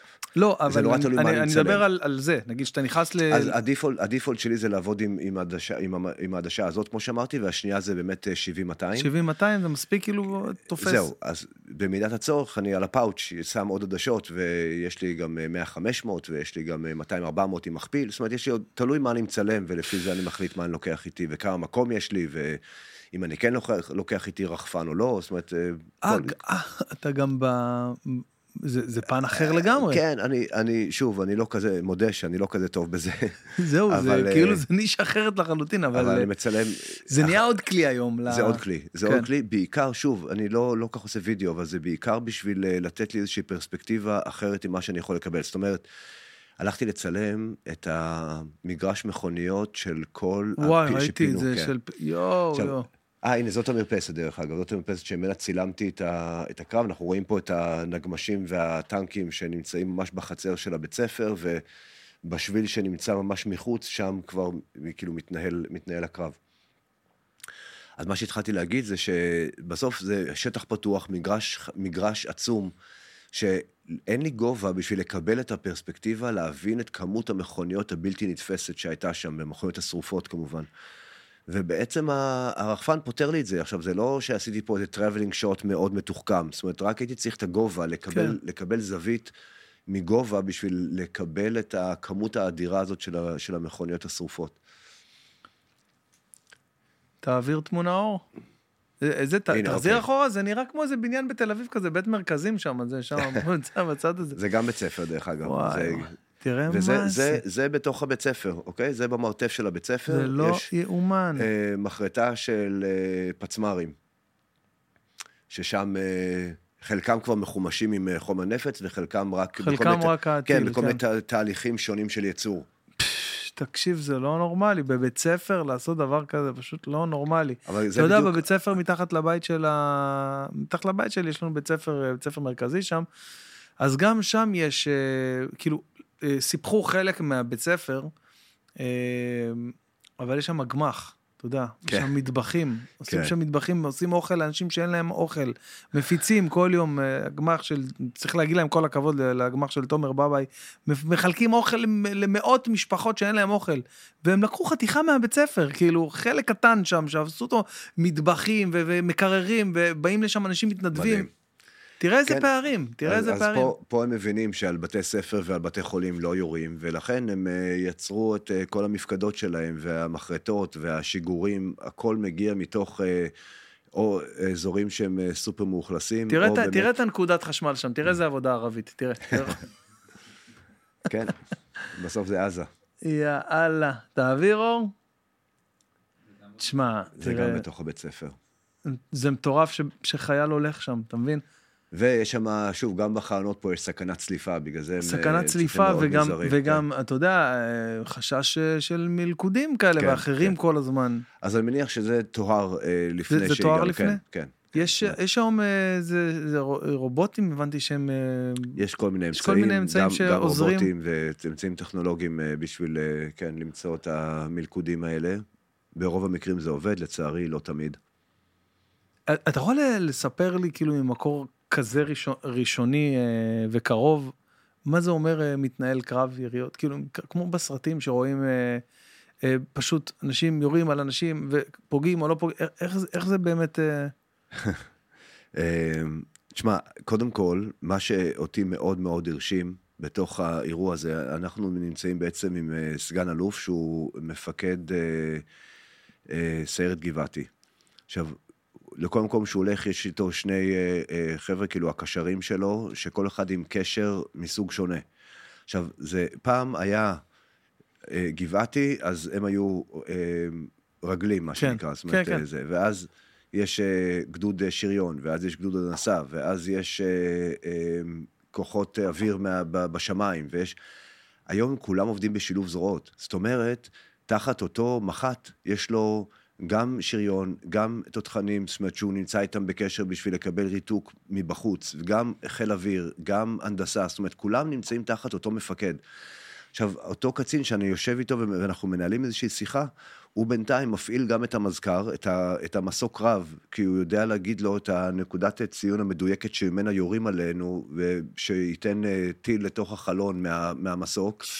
והטנקים שיודעים אה, להגיב, זאת אומרת, זו מערכה שהיא מאוד מאוד מתוחכמת, מאוד מתוחכמת. זאת אומרת, השילוב זרועות פה וסגירת מעגל מאוד מאוד מהירה ביכולת לתת אה, השבת אש מכיוונים שונים, מסוגים שונים, ולמצוא את הדרך בעצם להעלים את הסכנה, אוקיי? זאת אומרת, נקרא לזה ככה. כאילו- למזער עד כמה שאפשר כן, נזקים. בעצם פה כרגע הם סטטיים, אבל כשהם מתקדמים הכוחות, כל פעם אתה, נתקל במשהו אחר, אתה צריך להגיב לו בצורה מתאימה לסוג האיום שיש מולך. תראה, פה למשל, זה, זה על טנק כבר, לא? זה, זה זה, גם זה נאמר? באותו אירוע, זה, זה בנמר. פה אני פשוט נמצא, איך זה לקבל. אה, הוראות אה, מילד בן 22, 24? במקרה הזה מדובר בסגן אלוף, אה, הוא לא אז כזה ילד, כן. אה, 30? הוא לא, כן. כן. לידך הוא ילד. תראה, בסוף לא נעים להגיד, אתה מגיע לשלב שגם המח"ט יותר צעיר נכון, ממך, שזה נכון. זה קטע. אתה יודע... זה אה, היכה בי פעם שאני הגעתי לצוללת, אתה יודע, הצוללת הישראלית, וזו הייתה הפעם הראשונה שאפשרו לנו להיכנס לתוך צוללת, זה כבר לפני לא מעט שנים, אבל קיבלתי פה איזו הצצה ראשונית אה, להיות אה, בצוללת, שזה... וואו. וואו. אפשר לומר שזה הנשק היקר והקטלני ביותר בעולם, שקיים כן. ברשות מדינת ישראל. נכון, זה... ובסוף, מפקד הצוללת היה בן 31, ואני אומר לעצמי, יואו, בואנה, זה קטע, כאילו, הוא צעיר ממני בעשור. אז, זאת אומרת, אה, היום הוא צעיר ב- הרבה יותר. ביום השחור משחור הזה, בשביעי לאוקטובר, אה, איבדנו את אה, מח"ט הנחל, ואתה יודע, זה תת-אלוף, וזה היה כאילו סטירה על הפנים. מח"ט, לדעתי זה מח"ט- אלוף משנה. לא, לא, אה, הוא עלה- לדרגת תת-אלוף לדעת, אחרי מותו כנראה. הבנתי. אה, אה, לא, אני מח"ט? חושב, שהיה לו, כבר את ה... אה, בתמונה שהוא להיות שאני תת-אלוף, יונתן, איך קוראים לו? זיכרונו לברכה, אם אני לא טועה, איך השם אור, תמצא לי את השם שלו. אז אתה יודע. ביום, בהלם הזה שקיבלנו, אתה יודע, מח"ט, לאבד מח"ט, עכשיו, הוא היה בן 42. כאילו הוא בגילי והוא נראה כאילו גדול, אתה יודע, הוא נראה ענק, אתה יודע, כן. כאילו... ועדיין זה, זה לא נורמלי, זה... תקשיב, אח- אחד ה... אני לא יודע אם זה יתרון או חיסרון, אבל uh, בגלל שאני עובד כל הזמן, אני בקושי מצליח לראות טלוויזיה, אז אני לא הייתי מאוד אחי. מעודכן אחי, כל הזמן. יתרון. מצד שני, אני כן בסושיאל, כי זה משהו שאני יכול לראות בשטח, אבל uh, את העדכונים השוטפים, שכל דקה, ואני באיזשהו שלב גם די אסרתי על הבנות שלי להמשיך להיות דבוקות לטלוויזיה. כן, זה. אה, וואלה. אתה רואה? כן. אה, לא, סליחה, אתה צדקת. כן, כן, הוא אלוף משנה. הוא עלה, הוא, משנה. הוא עלה, כנראה עלה לדרגת אה, תת-אלוף אחרי מותו. עלה על תת-אלוף. שואו עדי, לא יאומן. כן, תקשיב, אני בעצם עובד עם הצבא ב... תראה, התמונה בראש. התקבעה לי בגלל שאמרו, העלו אותו בדרגה כמובן מיד, אמרו תת-אלוף, בראש שלי התקבעה תמונה, יש לי את התמונה הזאת של כן, הפרצוף שלו כן. עם העלה והחרב, כן. תת-אלוף. כן. וואו, זה גם כן, איזה, איזה רגע לתפוס את ה... עכשיו, יש, אה, כאילו, יש כאלה שאפשר לצלם אותם, וכאילו את הפנים שלהם כן, לחשוב, תראה, יש כאלה. ב- ש... יש בצבא מה שנקרא נעלי חשיפה.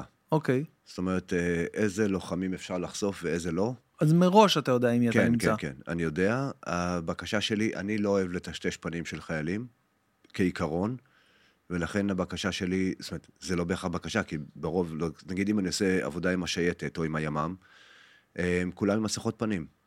זאת אומרת, אה, זה מאוד ברור שבמידה והם אה, הם אה, יוצאים, לא משנה למה, הם תמיד עם מסכות פנים.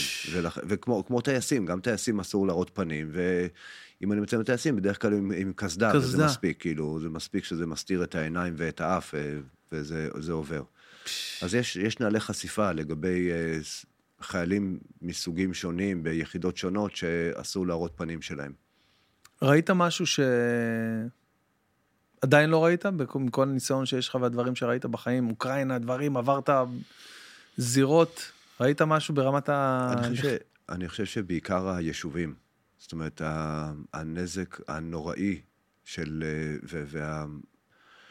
ההרוגים שביישובים, ועדיין, אתה יודע, יש משהו נורא מתסכל, כי בסוף הסיפור של השבויים זה סיפור כל כך גדול, שהוא באמת בלתי נתפס, עם תינוקות בני תשעה חודשים וכמות ילדים מטורפת.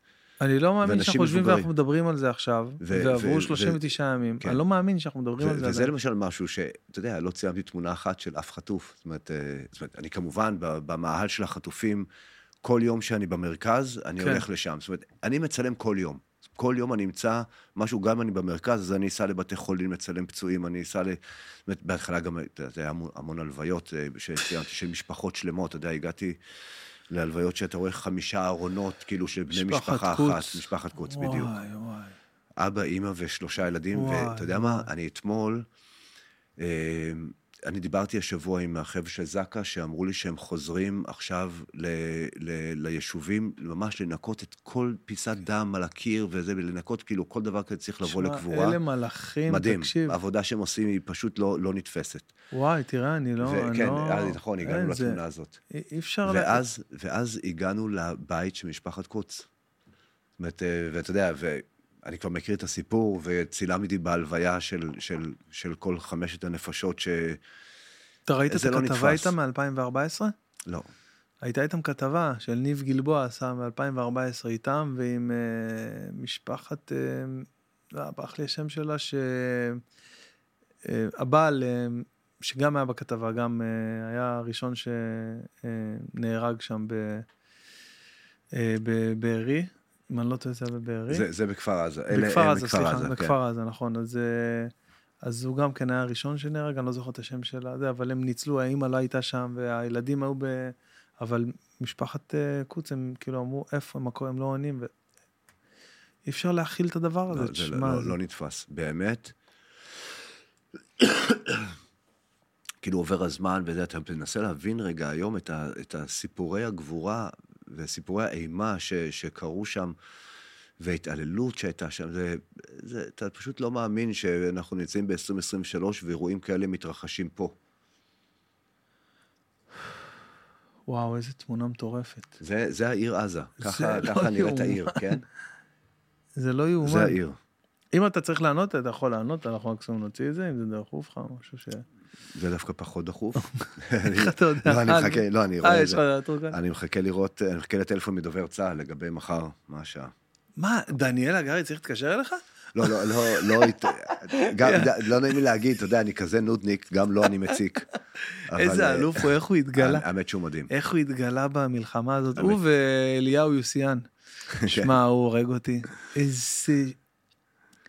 כל פעם, כל מילה שהוא אומר, כאילו הוא מפתיע אותי עם האוצר מילים שיש לו, כי המבטא שלו כל כך כבד, אומר, אין מצב שהוא יודע איך אומרים את המילה כן, הזאת. לא, האמת ש... ת- תראה, בסוף צריך לראות ארץ נהדרת ולראות מי הדמויות הבולטות של המלחמה. ממש ככה. כן. אה, הזאת? כן, מה השאלה, אור? אה, אם היית מוריד את השמיים, אתה בכוונה הכנסת את השמיים לתמונה הזאת או לא? אני רציתי... סליחה, אני לא הבנתי את השאלה. לא, רואים רואים פה שמיים, יכולתי בעצם אז- לעשות פריים שהוא יותר טייט. נכון. אה, אני אגיד לך מה, אני חשבתי שחשוב לראות, תראה, הם כרגע יוצאים מתוך המחרטה, ויש שם שביל, ואנחנו עוברים לחלק הגדול יותר של הבית ספר. יש איום שמגיע מסוף השביל, יש פה פחד שיהיה שם צלף שיירה על הכוחות. אז חשוב לי לא רק לראות את החייל המאבטח שבעצם אה, נותן קנה לכיוון האיום, אלא לראות גם איפה האיום מגיע. אה, אני לא, לא מצליח להבין, איפה אתה?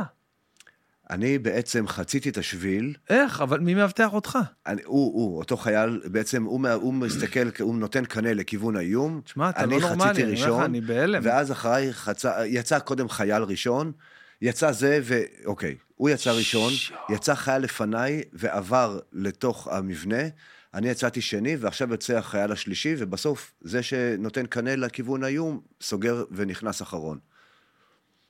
תשמע, זה מטורף. יש מצב כל- שאתה אומר לו כזה, רגע, רגע, לא, לא תפסתי, תצא עוד הפעם, תחזור. לא, לא, אין, אין אירוע כזה. אין אירוע כזה. אפשר פה לראות, דרך אגב, על הרצפה, פה בפריים הזה רואים חתוכים, אבל אפשר לראות כן, את נשקים. הקלצ'ניקוב, היו שם... דמה? דמה, כן, ארגזים, זה בתוך בית ספר, הם מחלקים, זה יש להם מין קייטנה כזאת כנראה, אני ראיתי בתמונות אחרות שילדים כאילו זוחלים עם קלאץ', עכשיו נותנים להם קלאץ' עם פלסטיק, זה זה, זה הקלאצ'ים האלה. מזל שהוא מפלסטיק, אתה יודע, אני אה, לא הייתי מופתע אם הוא לא היה מפלסטיק. כן, כן. אמ, תשמע, התפיסה שלנו אמ, אחרי השביעי לאוקטובר השתנתה דרמטית אה, לגבי השכנים האלה שנאלצנו. כן, תראה, אני, אני לא... אני לא מחשיב את עצמי, ואני קטונתי מלהיות אה, פרשן אה, צבאי שיודע לתת עכשיו את הדוקטורינה של אה, איך, מה הייתה הנחת העבודה עד היום ואיך היא צריכה להשתנות. אתה יודע, יש, יש, לכל אחד כמובן יש אה, דעה, כולנו היינו בצבא, כולנו יש איזושהי הבנה, אה, אבל ברור לגמרי שהייתה, התפיסה שלנו הייתה שגויה לגבי אה, האויב שלנו. הבנה עד הסוף, כן. וצריך לעשות פה באמת אה, שינוי אה, משמעותי מאוד, קודם כל בשביל להחזיר את הביטחון לתושבים, שתחשוב, צריך, בסוף אנחנו במין איזה תקופת מעבר כזאת, שאנשים שגרים בבתי מלון באילת ומפוזרים בים המלח, וזה יישובים שלמים, שיש אנחנו, אנחנו, יש לנו היום 130 אלף פליטים בתוך ישראל. תשמע, זה- זה זה לא נורמלי. צריך להבין את המספר הזה רגע. זאת אומרת, האנשים האלה צריכים כל יום איכשהו להתקיים, צריכים לאכול, צריכים לשתות, צריכים לגור איפשהו, צריכים איכשהו לשקם ל- את החיים שלהם. אני הולך למפונים ואתה פוגש אנשים שנמצאים במלון, מלון חמישה כוכבים, עם שלוש ארוחות ביום, עם בריכה, עם תנאים של מלון, ואומרים לך, אנחנו סובלים פה, ברור. זה חופשה בכפייה, אני, אני רוצה, אני, אני לא, לא, לא, לא נוח לי, אני רוצה רק להיות בבית. אני יכול להבין אותם. מצב עגום, ממש. תחשוב, ואלה גם האנשים, זה אותם אנשים שאין להם בתים, אין להם לאן לחזור לחלקם. המשפחות שלהם, או החברים שלהם, או נרצחו או נחטפו. באיזה עולם אנחנו חיים? זה פשוט, זה מעורר פלצות הדבר הזה. וואו, פשוט... אה, עכשיו, לאט לאט, אתה יודע, המרכז ככה יתחיל לאט לאט, ייפתחו עוד מסעדות, וטיפה יחזרו עם אה, תרבות, ובסוף נצטרך איכשהו לנהל. איזושהי שגרה, ולאנשים האלה נגמרו החיים. אני רוצה להגיד לך משהו, אני היום, אה, לראשונה מזה, אה, אור, תביא לנו שם אה, עוד איזה וויסקי, יש פה בושמילס, אני... אני אשתה הכל, כן. זה תמיד טוב, לא, אני... בסדר, נזרום פה על הבוש, אה, גם אה, טוב. כן, אבל אפשר, אם אפשר קוביית קרח. וכוס. מים, כוס מים. קוביית קרח, מה שאתה רוצה. אני אגיד לך, היום פעם ראשונה, אחרי... כן, אפשר להגיד מלפני החגים כזה, ש- שהשגרה, הרוטינה היומיומית שלי הייתה, אתה יודע, לשים את הילד בגן וללכת ל... אה, לקפה בטיילת, אני גר בבת ים, אתה יודע, קפה שם, או לדין, או לא משנה איפה, שותה קפה, על הים, חושב על דברים, מתחיל את הבוקר, מסדר מה יש לי לעשות, מה, אולי ריצה, אולי משהו בסגנון הזה. ושמתי לב שמאז החגים זה לא קרה, ואז מאחרי החגים, זה אחרי החגים, אחרי החגים הכי נורא שהיה לי אי פעם. היום הלכתי ל... אה, ל... שמתי את הילד בגן, התחילו לחזור כזה, אתה יודע, ב... אה, יום כן, יום לא כזה. ואמרתי, מה, אני אלך עכשיו שמונה וחצי בבוקר, מה אני? תודה, אחי, תודה רבה. אה, זה קרח, יופי. אמרתי, לא, לא, תודה, אני בסדר. אמרתי, מה, אני אלך עכשיו ל... לרולדין, נשתה קפה, ויאללה, נשתה קפה. ואני הולך, כאילו מנסה, ויש אנשים בבית קפה, והכל כאילו זה, ו- ו- והטיילת יפה, יום יפה, הכל טוב ויפה, ואני אומר לו, תביא לי את הרגיל, הפוך, בסיס מים יותר, וזה, ככה, ו... ויש לי רמה על הלב, ויש לי כאילו, פה, כדור בגרון. אני מבין לגמרי מה אתה אומר. עכשיו, אני, אני כאילו, בחוץ, על כל, בבת ים מלא, כל, ה, כל הגדרות שם, הכל, יש את, ה, את השלטים של החטופים. כן. עכשיו, אתה יודע, אני, אני כל כך, כל כך מבין ו, ו, ו, וכל כך מצדיק את הדבר הזה, עד כמה שזה נחוץ. למה? כי אנחנו בני אדם, אנחנו יכולים בקלות, בטעות, פתאום טיפה לרגע, להתנתק. לרגע לשכוח. לשכוח, נכון. לחזור לשגרה, אפילו לרגע. וזה שם, וכשיצאתי מה, מה, מהבית קפה לכיוון הים, אז קראו לי, ואתה יודע, חבר'ה שגם לא ראו אותי הרבה זמן, וכאלה שזיהו אותי, ופתאום כזה, שכחתי לרגע וראיתי את השלט של החטופים ונזכרתי בעוגמת נפש הזאת שיש לי. ו... תראה, עד אני, שזה אני לא מבין, ייפתר... אני מאוד מבין מה אתה אומר. תראה, מצד אחד אני עסוק עם הדבר הזה מהבוקר עד הלילה. זה באמת אה, מדיר שינה מעיניי, ואני מנסה, שוב, בכל הכלים שעומדים לרשותי, לייצר גם ברמת התודעה וברמת ההסברה, ויצרתי עם אה, משרד החוץ אה, תערוכה שנתתי להם בחינם, רק תפיצו אותה בעולם. זאת אומרת, שעוסקת בתחום של, בדיוק בנושא של החטופים. גם הפרק הזה הוא בחסות מזרוני פנדה, לא רק בגלל שיש לי 20% הנחה על כל האתר עבורכם, ולא רק בגלל שעל כל רכישה שלכם פנדה תורמים 5% לתושבי העוטף, מפוני העוטף, יש לומר היום, ובטח ובטח לא רק בגלל שעד היום כבר מעל 200 אלף ש"ח נתרמו לחזק את מפוני העוטף, ולא פחות משישה גני ילדים נבנו באילת בעזרת החבר'ה מפנדה, אבל בין השאר, פנדה מבטיחים לכם מוצרי שינה, נוחות והתפקדנות, כמו מיטות, ספות, פופים, מצעים, ברמה הכי גבוהה שיש, ובמחירים ללא תחרות. למה? כי אין להם סניפים, אז הם לא מוציאים סתם כסף שלא צריך. אז... בקיצור, אתם מזמינים הכל דרך האתר. אתם בטח שואלים איך אפשר לקנות מיטה אם לא ניסינו אותה. זו שאלה טובה שאתם שואלים. אז אני אגיד לכם, פנדה נותנים לכם 100 ימים של ניסיון על מזרונים ומיטות, ועוד 30 ימים של ניסיון על כל ה accessories. כאילו, אתם יכולים גם לקחת את המיטה, להתאים את ה accessories, ויש לכם 30 יום להחליט אם זה מתאים לכם או לא. קחו את המזרן, תבדקו, שנו עליו, ורק אז תחליטו אם אתם נשארים איתו לנצח נצחים. המוצרים מגיעים אליכם צ'יק צ'אק, תוך חמישה ימי עסקים, מקסימום. לא משנה איפה אתם בארץ, בהנחה שאתם לא בעזה, כן? זה גם יגיע מתישהו גם לעזה, אני מבטיח לכם. אז כנסו עכשיו לפנדה zzz.co.il, תפנקו את עצמכם ותרימו להם על כל העשייה הטובה שלהם, ועל הדרך גם אתם תעשו מצווה למפוני העוטף. לא לשכוח, הנחה של 20% ממני מתנה אליכם על כל המוצרים של האתר, בהקלדת קוד קופון בן בן. פשוט מאוד, B-E-N, B-E-N. אה, טוב, אנחנו אה, אה, עצרנו. אני מפיק פה כל מיני עניינים תוך כדי. איזה מצחיק. זיו, אני אספר לכם עכשיו, זיו פשוט קיבל טלפון, ולא משנה מה היה בשיחה, הוא דיבר, דיבר, דיבר, ואז שהוא סיים את השיחה, הוא אמר, יש! אני נכנס לעזה מחר. תאמין לי, תקשיב, זה לא אמיתי. תקשיב, זה חשוב. קודם כל זה חשוב, דיברנו על זה, וככה, מה שלא נכנס לה עכשיו, אבל אתה יודע, החזית הלא פחות חשובה שלנו עכשיו זה הסברה. חד משמעית.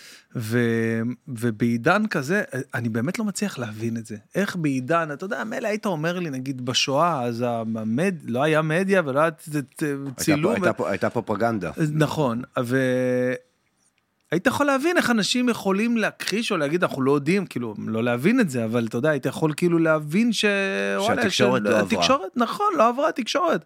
אבל פה בעידן שלנו, שרואים הכל, איך עדיין אנחנו לא מצליחים לשנות את דעת ה... אני, אני אסביר.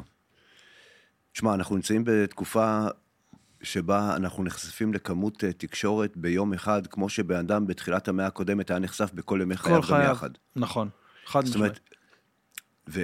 והסושיאל מדיה הפכה להיות uh, uh, מדורת השבט, זאת אומרת, זה כל כך דומיננטי, כמות האינפורמציה שזורמת בסושיאל היא, היא לא נתפסת בכלל. ולכן, זו זירה שהעולם הקונבנציונלי לא כל כך יודע איך להתמודד עם זה, כי במיוחד עם כל כמות האדירה של דיסאינפורמציה. ו-AI, ומניפולציה, ופרופגנדה. כשאתה אומר AI זה בעצם לקחת תמונה שלא הייתה ו... ראיתי גם כאלה, כל מיני דברים שאנשים מייצרים, אה, שאתה רואה שזה זה נראה כמו ציור כבר, זה לא באמת נראה אותנטי. נורא קשה בעצם לדלות מתוך כל כמות האינפורמציה וכמות השיט שמתרוצץ ברשת, את מה אמיתי ומה לא. בואו נתחיל מזה. וגם בתקשורת הקונבנציונלית, בסוף היה פה אירוע בלתי נתפס בממדים שלו, בשביעי באוקטובר. יש ממנו מעט מאוד תמונות, ומה שגם כן צולם, אף אחד לא באמת. רצה להראות אותם. אי אפשר להראות את זה. אפשר אבל, להראות. אבל במידה ואנחנו רגע, שמים שנייה. את ה... שנייה, בעצם עברו 40 יום שבהם התקשורת, גם הישראלית, אבל גם הבינלאומית, מפרסמים כל יום, כל יום סיפורים על מה שקורה בישראל. עכשיו, התאונות בעזה הן איומות ונוראות, באמת איומות, ואין לך שום ויז'ואל שיכול לאזן את מה שקורה בצד השני. למה? אם אנחנו מפרסמים את הסרטון של 47 דקות של... אה, אוקיי, אז של זה, זה, צה"ל. בהחלט, זה בהחלט, אבל שוב, זה, הוא קשה ברמה של, של- של, כן, של, ש- של יכול לגרום לאנשים לחוויה טראומטית אה, בצורה. כל כך אה, קשה, נשק יום הדין. שלגמרי. ו, ופה יש, יש פה באמת, אחד, יש פה באמת דילמה. ו, ודבר השני זה, צריך להמשיך לתת לתקשורת, בסוף, גם את המראה תמונה אה, נורא כואבת מהלוויה. ומצד שני, בעזה, באותו יום מראים ערימות של אה, ילדים שמתו והופצצו, ו- ואנשים אה, פצועים, תמונות קשות מאוד, ובתוך אה, אה, ערים הרוסות לחלוטין. אה, קשה מאוד, אה, אבל אתה להצדיק. מתחיל לשמוע קולות מתוך עזה של פלסטינים שאומרים ש... שמקללים את החמאס, וכאילו הם בעצמם כבר אה, נכון, אבל זה... מיעוט עדיין. זה מיעוט. חלש מאוד, ו... והוא לא נמצא במיינסטרים של התקשורת שיוצאת מעזה. כאילו, אני אומר, מה עוד צריך לעשות? אתה יודע, התגייסנו כולנו, אני גם, את כל ה... לא משנה כמה עוקבים שיש לי, פשוט כל יום על בסיס יומי כן. העלינו ושיתפנו ועשינו, אז, עבדנו מעלה, אז, בזה גם ממש. אני, אז גם אני מעלה באינסטגרם שאפשר, שלי כל אה, תמונות אה, כל הזמן, ש... שוב, וזה זה קצת, אה, אני עושה shifting, עכשיו אני כאילו חושב שצריך לשים את, ה... את הדגש יותר על הנושא של החטופים, אה, ולהסביר כאילו שעל המצב הלא נתפס הזה שיש לך 239 חטופים, שחלקם זה ילדים ותינוקות אה, ואנשים מבוגרים, ו... תראה, דין חיילים הוא אירוע אחר לגמרי, אבל, ו, ועדיין, בסוף מדובר פה באזר, ברוב זה אזרחים. לא, לא, לא הגיוני שזה האירוע שאנחנו מנהלים. אז אה, בגלל זה אתה אומר שהחשיבות שלך להיכנס ולהכניס, אה, כי אני רואה שאתה גם אה, תוך כדי, לא רק דואג לך, אתה גם דואג ל... לכתבים זרים, כן. שזה ממש חשוב. אני עובד עם הרבה מאוד, גם בימים, זאת אומרת, מתחילת המלחמה, זאת אומרת, מ-7 לאוקטובר, עוד לפני מלחמה זה לא רק עזה, זאת אומרת, אני מתייחס בעצם מהיום הראשון של האירוע הזה. בעצם אני כל פעם עבדתי פה עם כתבים זרים, אני עובד עם הרבה מאוד מגזינים בעולם, זה אנשים שאני נמצא בקשר איתם, הכתב שאני נכנס איתו מחר זה בחור שעבדתי איתו בצוק איתן. זאת אומרת, הוא כתב אה, גרמני של דר שפיגל, שזה המגזין הגרמני הכי חשוב, אה, המגזין דובר גרמנית הכי חשוב בעולם. שאני חושב שיש חשיבות אדירה בלהביא אותו, הוא בא לארץ במיוחד, ונכנס בעצם מחר בשביל שיראו לו את, איך נראה הצד הישראלי של, ה, של האירוע הזה. ומי אחראי בעצם על, ה... על להראות לו את הדברים הנכונים? תראה, יש כאילו, פה... יש מישהו שמנהל את זה? שלא יהיה הניהול, מקרה... הניהול אה, ברמת האדמיניסטרציה זה דובר צה"ל. זאת אומרת, אה, יש- מי יש נכנס, נהלים מתי לדבר נכנס, מי נכנס, יש, כן. כן, כן, כן, חד משמעי. אבל אתה יודע, אז- הייתה פדיחה עם, ה... עם החטופה ששוחררה ולא היה איזה זה, והיא דיברה ועשתה לנו נזק הסברתי, אה, אני מניח שלא באשמתה, אבל אה, נזק הסברתי לא, לא מבוטל. נכון, בוא נגיד שזה לא יקרה יותר. זאת אומרת, התדרוכים... בדיוק, זה מה שאני שואל. כן, זאת אומרת, כי אתה יודע, אתה יכול להביא לפה כתב זר, להשקיע משאבים, להשקיע זמן, קשרים, עניינים, ופתאום הוא עלול לראות, אתה יודע, את הצד העזתי או זווית מסוימת, וואו, מה זה התמונה הזאת? מה זה? פה הייתי עם אה, חטיבה, אה, חטיבת שריון, חטיבה 14.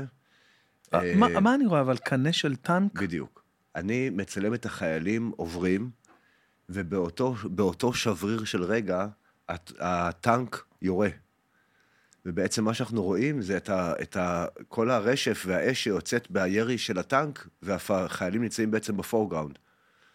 אז uh, יש פה את- זה את ההיט הייז הזה, אתה רואה שזה ממש מין אה, צורות כזה של, אה, של החום, החום שהטנק פולט בירי של הפגז. שמע, זה מטורף. זה מטורף פשוט. איך תופסים את הרגע הזה? כן, אבל ה- שוב, אני, פה עוד אני חייב רגע להגיד משהו. בצילום, גם פוקסים נחשבים. גם פוקס נחשב. לא, לא תכננתי, אתה יודע, הטנק ירה מדי פעם, אבל זה, יש פה, זה פה ושם היה שנייה, איזה- כן.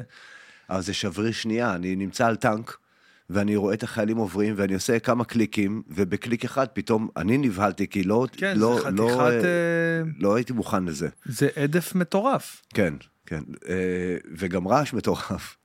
ופתאום יש בום ענק, ו, והחיילים שנמצאים בעצם בפורגראונד, אה, תראה- רואים את הצלליות של החיילים. תראה את האדישות שלהם לירי שלהם. זה מטורף. כן. וואלה, אשכרה, אנחנו מסקרים פה וואחד מלחמה. אה, זו מלחמה בקנה מידה שאני לא, לא הכרתי. איך היה באוקראינה? אה, באיזה יום הצטרפת? לש- לא באיזה יום, כאילו באיזה, באיזה פרק בלחימה? הייתי, הייתי בהתחלה? בשני סבבים ב- באוקראינה. נסעתי אה, בשליחות ידיעות אחרונות ביחד עם הכתב רונן ברגמן, שהוא גם חבר הרבה מאוד שנים, והוא... אלה גם משוגעים, לא איש קטנים. מקצוע. איתי אנגל, משוגעים לגמרי כן, האנשים כן, האלה. כן. תגיד, יש לי שאלה לשאול אותך. מה עם החולצה הכחולה? איזה חולצה כחולה. שנתת לאיתי ואדום, ככה אני רואה אותה בכל כת- כל כתבה, אני רואה אותה עם החולצה הכחולה הזאת. איך אתה מכיר את הסיפור? אתה יודע, אני אספר לך רגע, את ה- אני לא יודע מאיפה אתה מכיר את זה, כאילו, מאיך שהוא סיפר לך. אבל אתה, אתה אתה יודע מה, אני עובר פה, אחי, שעות על גבי שעות על גבי שעות של סיפורים וחומר. עכשיו תקשיב את הסיפור. אז בוא בוא נספר למאזינים ש- ולצופים. כן. איתי עגל ואני מגיעים להאיטי, לרעידת האדמה. באמת, אחד האירועים הכי קשים ב- בהיסטוריה האנושית. אוקיי. 300 אלף הרוגים, רבע מיליון פצועים, כל התשתיות קרסו, אין, אין האיטי, אוקיי? כן. אנחנו נוחתים, אה, נוחתים בהאיטי, אחרי חמישה קונקשנים, והגענו עם איזה, בסוף הגענו לרפובליקה הדומיניקנית, ואין טיסות, והשדה תעופה בהאיטי סגור. אנחנו איכשהו מתארגנים על איזה מטוס פרטי קטן שזורק אותנו בהאיטי, נו- נוחת, זורק לנו את התיקים על המסלול. והוא ממריא ונוסע. עכשיו, אתה, אין, אין, אה, אתה לא באמת יכול, השדה זה תעופה הורג סגור אותי. בכלל, זאת אומרת, זה לא שעכשיו אתה הולך לביקורת דרכונים, כאילו, אתה יוצא מהשער, הולך החוצה, כאילו, עם התיקים שלך. עכשיו, בגלל שעברנו כל כך הרבה טיסות, וחלק הטיסות התבטלו וכל זה, בקיצור, אנחנו מגיעים להאיטי, איתי אנגל בלי תיק. אין לו כלום. תבין, אין לו, עזוב את זה שאין לו בגדים ואין לו אה, מברשת שיניים, אין לו כלום. אין לו קלטות, הקלטות של וואו. המצלמת וידאו שלו היו. אה, בתיק. אז קרו פה שני דברים. קודם כל, אני פתחתי את התיק וחילקתי חצי-חצי. חצי למכנסיים, חצי מהתחתונים, חצי מהחולצות, נתתי לו. עכשיו, תבין, היינו באירוע שזה לא קרה לי בחיים. עברנו כזאת חוויה קשה, שאני כל יום הייתי זורק את הבגדים, לא, לא אפילו לא לוקח אותם הביתה לכבס, כאילו, מרוב, ש... מרוב הסירחון והאימה שהייתה שם, לא יכולתי אפילו לקחת איתי את הבגדים האלה חזרה הביתה.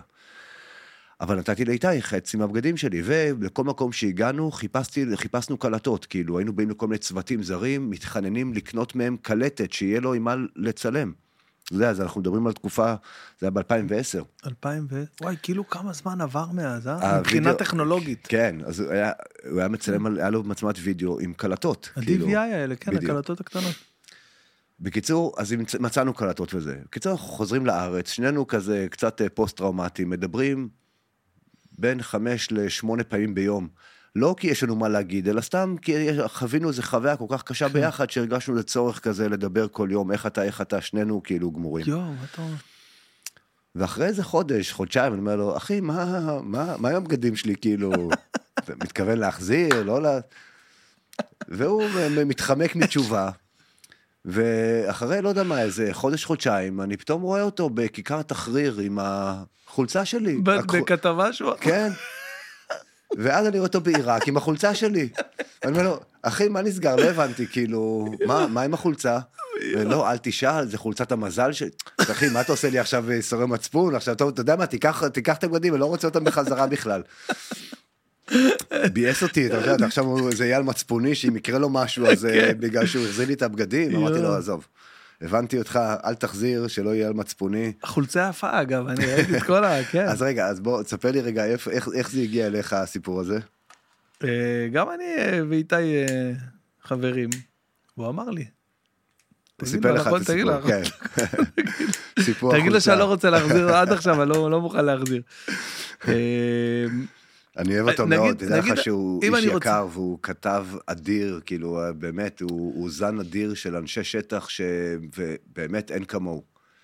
זה זכות גדולה לעבוד איתו, אני באמת אה, מעריך את העבודה שלו ואת המקצועיות שלו איך ואת הכרת אותו? הדדיקיישן גם שלו. כן באיזה מאץ' כזה שהיה לך? כן, הכרנו, ב- אתה יודע, סביבי, אתה יודע מה, זה כל כך הרבה שנים שאני אפילו לא יכול לזכור אה, באיזה רגע זה קרה, אבל נהיינו חברים, וממש כזה דחפנו, למרות שהוא בא מעולם הטלוויזיה ואני מצילום סטילס, דחפנו לעשות אה, פרויקטים ביחד. ועשינו כמה, זאת אומרת, עשינו אז גם נסיעות כאלה שגם לא, אם לא עבדנו ביחד, אבל היינו באותו לוקיישן ו, ושיתפנו פעולה, כי אתה רוצה להיות עם מישהו שאתה סומך עליו ואתה מעריך אותו, ו, והוא חבר, שאתה יכול גם להחליף אותו מילה, וגם ברמה המקצועית.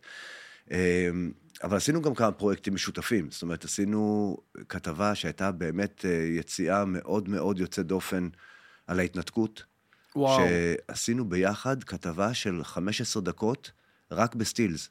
יואו. רק סטילס, כאילו לא היה רגע אחד של וידאו אפילו. היה סאונד, כאילו הוא הקליט אנשים וראיין אותם, אבל הכל היה ב stop motion ים כאלה של dissolve ים ו- וואו. ו morph ים, כן, כן, שהתמונות כן. ככה זזו בין האנשים שהוא הוא ראיין על, על, על גוש קטיף, כאילו. זה היה זה אה, גם היה מדהים. וואחד אה, כן, שבר כן, הדבר כן, הזה. כן, כן. תגיד, אתה כאילו, נגיד אם אני רוצה לראות תמונות שלך מהאיטי, זה, זה כאילו איך אני, אה, אה, יש איזה אלבום שניגשים אליי, איך אני כאילו, אם אני רוצה לראות את העבוד, עבודה שלך עליי. אני, תשמע, אני לא יודע מה, בטוח קיים באינטרנט אה, דברים. אה, גם הייתה תערוכה שעשיתי אחר כך. אה, אני יצאתי ב, עם ארגון לתת, ובעצם עשינו תערוכה שחזרנו לארץ, ויצא קטלוג, וזה, אני חושב שעשיתי בחיי שתי תערוכות ש, שהכניסה אליהן עלתה כסף. אחת זו הייתה תערוכה על האיטי, ש-100% מההכנסות הלכו בעצם אה, לשיקום של בית ספר בהאיטי, זאת אומרת, אספנו כסף ושיקמנו ביחד עם ארגון לתת אוקיי. ושיקמנו בית ספר. התערוכה השנייה זה אחרי שחזרתי עם אה, ברגמן מ, אה, אה, מאוקראינה בנסיעה הראשונה, עשינו אה, תערוכה בשיתוף עם אה, מרכז פרס לשלום וידיעות אחרונות, במטרה לגייס כסף לפליטים באוקראינה. זהו, אה, שאלתי אותך מקודם לגבי אוקראינה, לגבי ה... הלג הראשון שהיית שם, ש... עם ברגמן. אה, אז כאילו, אה, מעניין אותי, כאילו, איך היה, איך... אה, ל... לאיזה זירה הגעת שם? כי, זהו, התחלתי, התחלתי באמת אה, להגיד אה, קודם. כי, כי היה באז מאוד uh, מלחיץ מהצד של פוטין על אוקראינה וההתנגדות של אוקראינה וכאילו אה, מה אתה מוצא שם כאילו עד כמה זה תראה, עשינו, עשינו את זה בשני לגים. Uh, הראשון היה בהתחלה, זאת אומרת, uh, אתה, נוסע ברכבת לקייב ואתה יודע שהרוסים מנסים לייצר כתר מסביב לקייב, ואם אם הכתר הזה נסגר, כאילו, אתה שם אתה שם. זו הייתה החלטה מאוד מאוד אה, מורכבת לקבל החלטה שאנחנו עולים על הרכבת הזאת ונוסעים ל... מ... אה, קייב היא ממש לב אוקראינה כן, היא בחלק הצפוני אה, יותר של, צפוני, יותר של צ- אוקראינה, כן, נמצאת די יותר- במרכז. זאת אומרת, די אה, פחות או יותר ו... אוקראינה ממש מעל ישראל זאת אומרת המטוס פשוט טס דוך לא, למעלה לא, זה, זה קצת, זה- קצת מזרחה. קצת מזרחה קצת, מאיתנו. מזרחה כן, אתה? כן, כן, היא מזרחה, היא לא הייתי לגמרי. כמה פעמים ואתה יודע ואתה, הייתי באומן ואומן. זה- הוא גם אומן זה גם בקו ישר מתחת ל... לקייב, זה לקייב. נכון, כאילו, זה, זה נכון, אם אתה נכנס מכיוון אה, דרום, אודסה. אתה, בדיוק, מכיוון אודסה, אז אתה, אודסה זה, היא נמצאת למד- בדרום כן, אתה ממש, על- אתה מטפס לאומן וממשיך באותו, בעצם ממש באותו כביש וממשיך אה, צפונה, אתה מגיע לקייב. אה, אבל זה קצת מזרחה מאיתנו, זה לא בקו ישר צפונה, כן. כן, צפון-מזרח. אה, אז, אז, ו, והנסיעה הראשונה הייתה 27 יום, שגרנו ב, בקייב, ומשם עשינו גיחות, ונכנסנו עם חיילים לתוך אירפין, והיינו בעצם מה- מהעיתונאים הראשונים שנכנסו לבוצ'ה, ובעצם נחשפנו ל, ל, לאסון שהשאירו הרוסים שם, כן. בבריחה שלהם מבוצ'ה, ולבאמת אה, פשעים נגד האנושות שהם אה, ביצעו בתושבים, באזרחים אה, בבוצ'ה. אה, למה כל העולם לא יוצא ומפגין נגד דברים כאלה? אני חושב שבוצ'ה הייתה נקודת מפנה מאוד משמעותית, כי קודם כל דיברו על, על אה, פשעים אה, נגד האנושות, פשעי מלחמה, אבל זה היה פעם ראשונה שהיה אפשר לראות את זה. זאת אומרת, אה, כי הרוסים נסוגו והשאירו מאחוריהם הוצאות להורג וקברי אחים ו, ודברים מהסוג הזה, שהיה קל בעצם להוכיח את, אה, את מה שהם עשו. אותו דבר קרה דרך אגב במריופול, רק שמריופול נכבשה על ידי הרוסים, ולמעשה מעולם לא נדע אה, את פשעי? המלחמה שהם אה, עשו שם, כי בעצם מריופול היום היא עיר רוסית לחלוטין, איפה אה, היא נמצאת באוקראינה? במזרח. ממש במזרח, עם הגבול עם רוסיה יותר? כן, כן. בעצם רוסיה עוטפת עוטפת, את, כן. אה, את, אה, את אה, אוקראינה מ- כן. משתי פאות בעצם, מהמם. גם מצפון וגם ממזרח. והמלחמה בעצם, ברגע שהאירוע הזה הסתיים, של הניסיון הרוסי שכשל בכיבוש קייב, כל המערכה זזה למזרח. ובעצם יש קו גבול של למעלה מאלף קילומטר של לחימה, אבל הוא רחוק מאוד ממרכז אוקראינה. זאת אומרת, קייב די חזרה לאיזושהי שגרה מסוימת, זהו, אני לא מצליח- אני ובמזרח... לא מצליח להבין כאילו איך- איך זה... קודם כל זו מדינה ענקית, שתבין מדינה שזה ענקית, כן. אה, ממזרח למערב וזה זה 2,500 קילומטר. וואו. כאילו זו מדינה גדולה מאוד. סתם להבין, אצלנו זה 50, 60 קילומטר ממזרח... ממזרח ב- למערב, ב- אולי בחלק הכי בחלק רחב ה- זה 60. כן, מה אתה אומר? כן. אה, אז, אז זה באמת אה, מדינה עצומה בגודל שלה. אה, וממשיכה הלחימה, דרך אגב, עד היום. אם אתה יודע, משהו קצת אה, כזה כואב לי בלב על, ה, על האוקראינים, זה שהפוקוס העולמי מבחינת תקשורת זז מאוקראינה ל, לישראל. זאת אומרת, אה, אנחנו לוקחים היום את, אה, בצדק מן הסתם, את, את כל הפוקוס של, ה, של הבמה הבינלאומית מבחינת סיקור תקשורתי. מה שמייתם את, את אוקראינה באיזשהו אופן ומאפשר ל, לפוטין לעשות אה, מה שהוא רוצה, כי זה שיש שם תקשורת כל הזמן ושהיא מדווחת, זה יוצר איזשהו לחץ בינלאומי כזה או אחר, וזה שם אותה במקום אה, מאוד, אה, מאוד פגיע, לדעתי. איך אה, בתור בן אדם שקצת יודע ומבין וכאילו עברת וסיקרת וראית דברים, איך נראה לך שמערכה כזאת כמו רוסיה ואוקראינה מסתיימת? באיזשהו הסכם שלום, באיזה הפלה חד צדדית של מי מהצדדים? איך תראה. זה קורה? הרי אוקראינה לא, ספק. לא, לא יביסו את רוסיה, כאילו זה לא... מה, מה, מה צריך לקרות שהדבר הזה ייגמר? שזלנסקי ייכנע? מה- סתם מע- מעניין אותי. זה כאילו מרגיש לי הכי לא רלוונטי עכשיו, אתה כן, יודע, השאלה כן. הזאת בתקופה שלנו, אבל, אבל, אבל כאילו... אני אגיד לך משהו. גם בסיבוב הראשון שהייתי, בפעם השנייה היינו ב, אחרי במזרח. כמה זמן? אחרי אה, שבעה, שמונה חודשים, חזרנו למזרח, לאזור בחמוט, ששם כן, יש קרבות גם איומים, איתי- איתי איומים, גם נכון, היה. נכון. איתי, איתי גם היה פעמיים, זאת אומרת, בפעם השנייה הוא נסע לבחמוט. עשינו, כן. לא היינו ביחד, אבל עשינו מסלולים יחסית אה, דומים. אה, וקודם כל, גם בפעם הראשונה, אה, אתה נתקל בחיילים אוקראינים נחושים, שמבינים שהם נלחמים על הבית, והש... ו... ומבחינתם זה לא שאלה מתי, אה, האם הם ינצחו, אלא מתי. זאת אומרת, זה רק עניין של זמן. זה בכ... אין, אין להם, גם אין להם ברירה אחרת. הם מבחינתם נלחמים על הבית. הרוסים, לא נעים לי להגיד, עד היום לא מבינים על מה הם נלחמים. דיברנו עם אה, שבויי מלחמה וואלה. הרוסים, שאמרו שהם בכלל אמרו להם שהם הולכים לתרגיל, שהם הולכים, אה, וואו, שהם הולכים לשחרר את אוקראינה מהנאצים, זאת אומרת, כל מיני סיפורי מעשיות. יואו. שאיזה מוטיבציה יש שם עכשיו, אתה, אני, שהגענו לבוצ'ה והיה שם באמת שיירות של רקם אה, רוסי מפוצץ. כן, כמו ברווזים טבחו ב... ב... כן, הדבר הראשון שהאמריקאים שלחו זה טילי נ"ט, שפשוט פירקו את הרקם הרוסי באחד אחרי השני. ואחד, אתה רואה גופות של חיילים רוסים שהם לובשים אה, בגד... טרנינגים, הם, הם היו נכנס... קר להם, אין להם בגדים, היה חורף, היה... רוב המלחמה הזאת הייתה ב... ב... בתקופה הזאת במינוס עשר מעלות. הם גונבים בגדים מהבתים של האוקראינים כי קר להם בתוך הטנקים, אוקיי? הם גונבים אוכל. יש להם מנות קרב שהם פג תוקף חמש שנים אחורה. זאת אומרת. היינו ב-2022, עונות כבר והפג תוקף 17. היו ב-2017. 2017. זאת אומרת, אתה מבין שאיזה מוטיבציה יש לחיילים האלה, שהיא, ש... ו- ופוטין בשלב מסוים, כי החיילים, איך לומר, אה, יש כבר רבע מיליון הרוגים באירוע הזה. פתחו את בתי הכלא ושחררו אסירים שיבואו להילחם בבחמוט, כי הם היו מתים שם ב- במאות ביום. מה אתה אומר?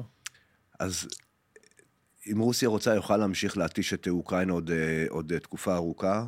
אה, זה יהיה חייב בסוף להסתיים בהסכם. זאת אומרת, לא תהיה פה הכרעה, האוקראינים מוכנים להילחם עד האוקראיני האחרון. מה הקונפליקט שם כאילו בעצם מה מה אתה יודע להגיד?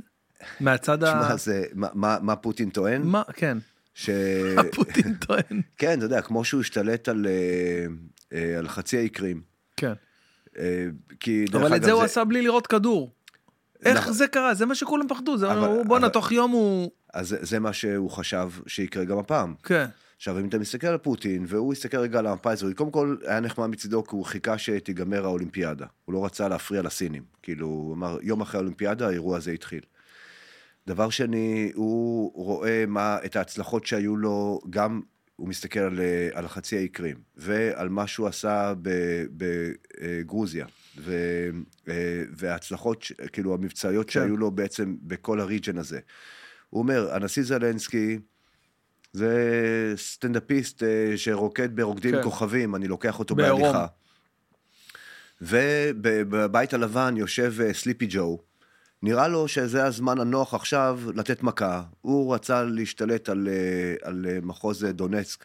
כן, זה עוד עונה. עכשיו תראה, יש פה כמה, כמה סברות. אחד הדברים שחצי זה האי שט- קרים, ש- חצי, שטח שלם. חצי האי קרים בעצם יושב על, ה, על תוחם את חלק מהים האזובי, שיש שם מצבורי נפט וגז ואוצרות טבע אה, אה, עצומים.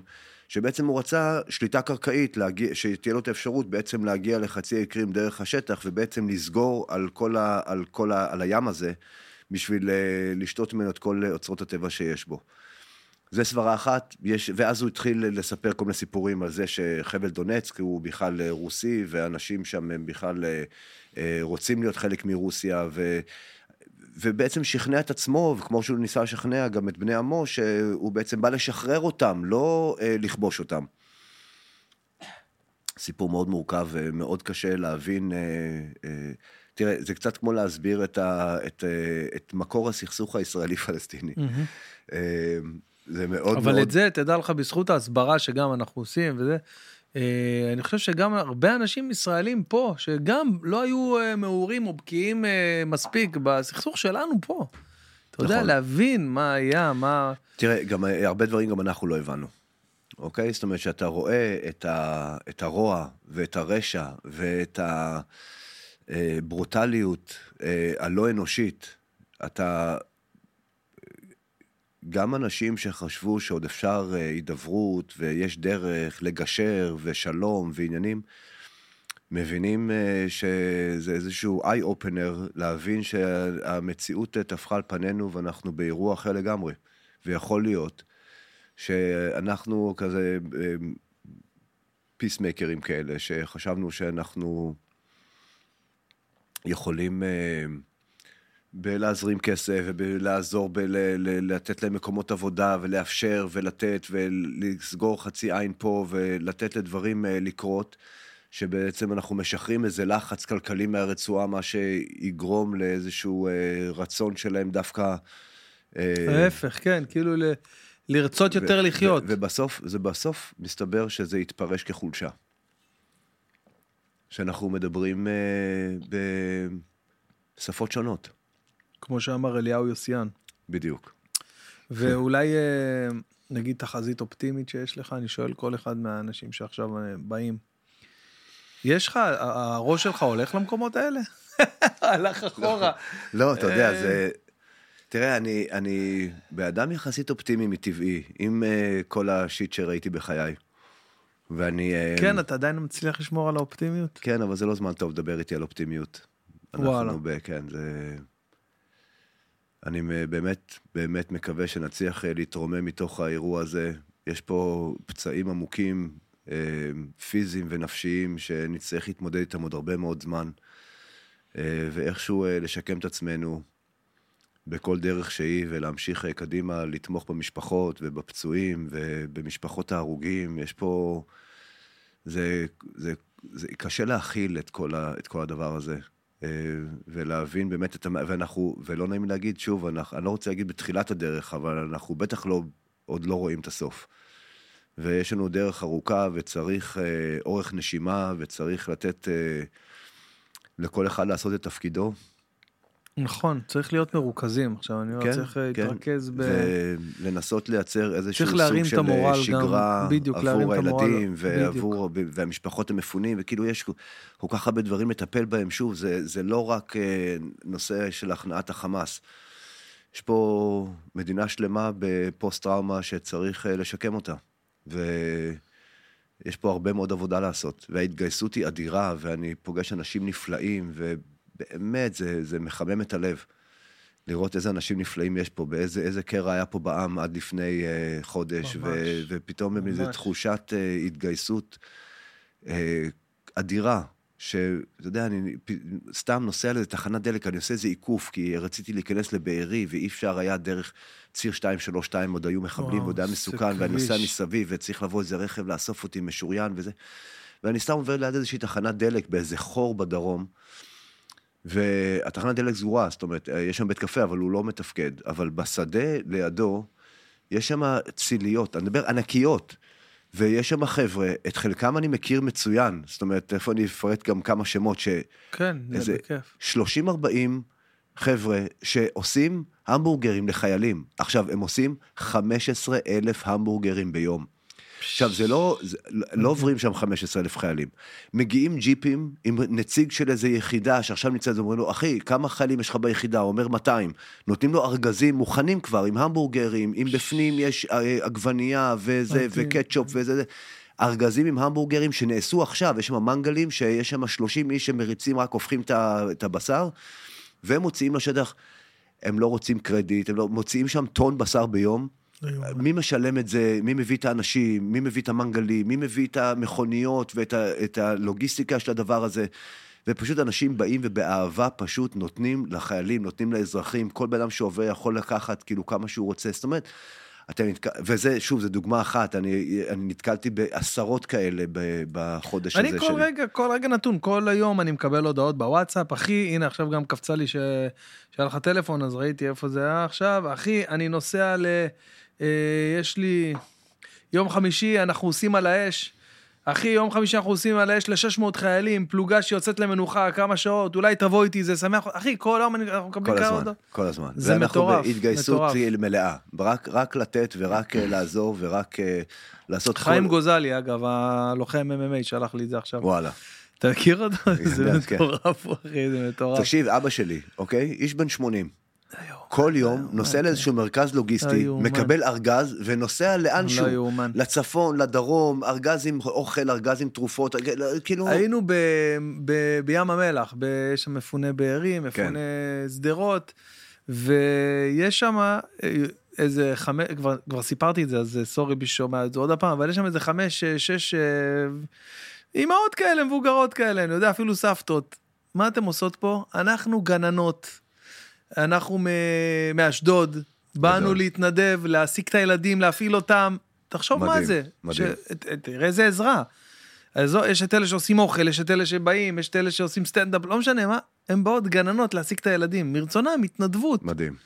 העם הזה התגלה, אתה יודע, בחולשתו לפני, לפני השביעי לאוקטובר, ו, ובתפארתו עכשיו, אתה יודע, לגמרי בתפארתו. ואתה יודע, ואתה יודע, הלוואי שבעזרת השם זה יישאר ככה, גם אחרי שנצא מה, מהצרה הזאת, אתה יודע, זה חשוב גם לשמור את, ה, את, ה, את, ה, את ההתאחדות הזאת כן. ש...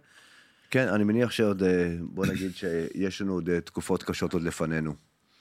כן. אה, כן, אתה- גם, גם, גם מורלית, גם בסוף מי שיצטרך לתת את הדין, יצטרך לתת את הדין, וזה יהיה לא פשוט. נכון. ובסוף המחלוקות ששימו אותן בצד לא, לא נעלמות, וצריך לחשוב כאילו מה עושים הלאה. אה, ברמה האישית, מבחינה מקצועית, מה, יש איזה פסגה, איזה משהו שעוד לא כבשת ואתה מסמן לך ליד? איך, איך אתה, יש חלומות שעוד לא... אה, תראה- לא יודע, משהו נוסף שאתה אוהב לעשות? פתאום נגן בס, אני יודע מה. תראה, אני לא, אני לא חולם, אני אה, מסמן. מטרות, כן? כן. זאת אומרת, אני, אני פרגמטיסט. אני לא יושב בבית ואומר, יואו, איך בא לי לנסוע עכשיו ל- לאנטארקטיקה. לא, ברגע שאני מחליט שאני רוצה לנסוע לאנטארקטיקה, עכשיו מתחיל מה שנקרא מרוץ החימוש לאיך אני אה, אה, מוציא את זה מייצר- לפועל. מייצר חתירה למגע, כן? אני בסוף, אז זה לא, אני לא יושב וחולם, אני רוצה עכשיו, נורא הייתי רוצה לעשות פרויקט על. לא, אני קם ועושה אותו. אחר כך, כאילו, מה אני אעשה איתו ומה זה, תראה, אני תמיד, אני מסתכל על העבודה שלי בתור משהו שאני רץ למרחקים ארוכים. זאת אומרת, זה נכון וזה חשוב שתהיה תמונה בעיתון מחר, ואני אעשה אחר כך עוד איזשהו, יהיה איזשהו פרויקט, אני כאילו, אבל אני חושב באמת לטווח הארוך. זאת אומרת, אה, בסיום האירוע, על התערוכה, על הספר שאני אוציא, שיסכם את התקופה הזאת, על, על מה יישאר פה לדורות הבאים אחרי, זאת אומרת, איך אני מייצר באמת, אה, אה, אני חושב שאחת החוזקות שלי זה דווקא בצ'אנלים האלטרנטיביים. לעשות איזשהו קליפ עם איזשהו זמר לאיזשהו שיר, שיצאו תמונות שיהיו בזה, וכאילו כל מיני, כאילו לחפש את, ה, את הדברים הנוספים אה, שהם לא רק בטרדישיונל של אה, תמונות בעיתון. כי זה משהו שחולף נורא מהר, במיוחד בעידן שלנו. אה, איך אם אני מבין איך אותך איך נכון- אני מייצר פה איזשהו מסמך אה, ויזואלי ש, שיישאר פה ויחרט בזיכרון הקולקטיבי. זה בסוף מה שמעניין אותי. איך אתה עם אה, חו"ל? אני כאילו מבין שהיית במלא מדינות, כן. אבל נגיד הברית, יש לך שם כבר, אתה יודע, קשרים, אנשים שאתה מכיר. אה, תראה, אני עובד, אני עובד עם הרבה מאוד מגזינים בעולם. זאת אומרת, אה, השיחה שהייתה לי רגע לפני שהגעתי לפה, זה שיחה של חצי שעה עם הדירקטור פוטוגרפי של הניו יורק טיימס מגזין. זאת אומרת שזה אחת... מה מה- התפקיד שלו? הוא בעצם מחליט זה, זה מה... אישה, נכ- זה אישה, אה, קתי תפקיד. ריין קוראים לה, היא, היא בעצם ה... ראש החטיבה שמתעסקת באיך נראית הוויזואליה של, של המגזין כולו. זאת אומרת, מתחתיה יש עורכי צילומים גם, אבל כאילו קודם כל עכשיו, אה, איך- how to visualize באסטרטגיה, it, כן, כאילו איך... כן. והיא נחשבת לאחד האנשים אולי החשובות בעולם בתחום. הפוטוג'ורנליזם. כאילו, וואו, עכשיו, זו שיחה שהיא... איזה קטע שהיא אישה, אתה יודע. זה- כן, כן. עכשיו, זו שיחה שהיא, קודם כל, באמת איזושהי, אני נותן איזושהי סקירה רוחבית של מה אני עושה, מה אפשר לעשות, איך אפשר to visualize the, the story, כאילו, וכיוונים ו, ומחשבות, uh, לאן לקח את זה, מה אני צופה שיהיה, כאילו, בעתיד, מבחינת אה, הצבא והשהייה שלו בתוך עזה וכאלה. זאת אומרת, באיזשהו, בשביל ליצור עכשיו איזושהי מחשבה קדימה על גוף עבודה, שבסוף יהיה איזושהי כתבת רפורטאז' ענקית בניו יורק טיימס מגזין. עכשיו זה אחד, עכשיו אתה לאורך כל השבועות האחרונים, זאת אומרת, עבדתי עם כמה מגזינים כאילו הגדולים, זאת אומרת, צילמתי גם לפארי מאץ' וגם לדר שפיגל וגם לפיגרו. חלקם שלחו לפה כתב וחלקם עבדתי עצמאית, אבל בעצם הרעיון הוא לתת ביטוי כמה שיותר רחב בעצם לחומרים שאני עושה, ובשיתוף פעולה עם, עם עיתונים כאלה ואחרים. איזה מעניין זה, תשמע, זה כאילו עולם... אז אני עובד רוחבית, כי אני בגלל זה אני תמנון עם הרבה זרועות, זאת אומרת, אז צ'אנל אחד זה כמובן התקשורת הישראלית, אבל התקשורת הבינלאומית כאילו היא פי 20 יותר גדולה.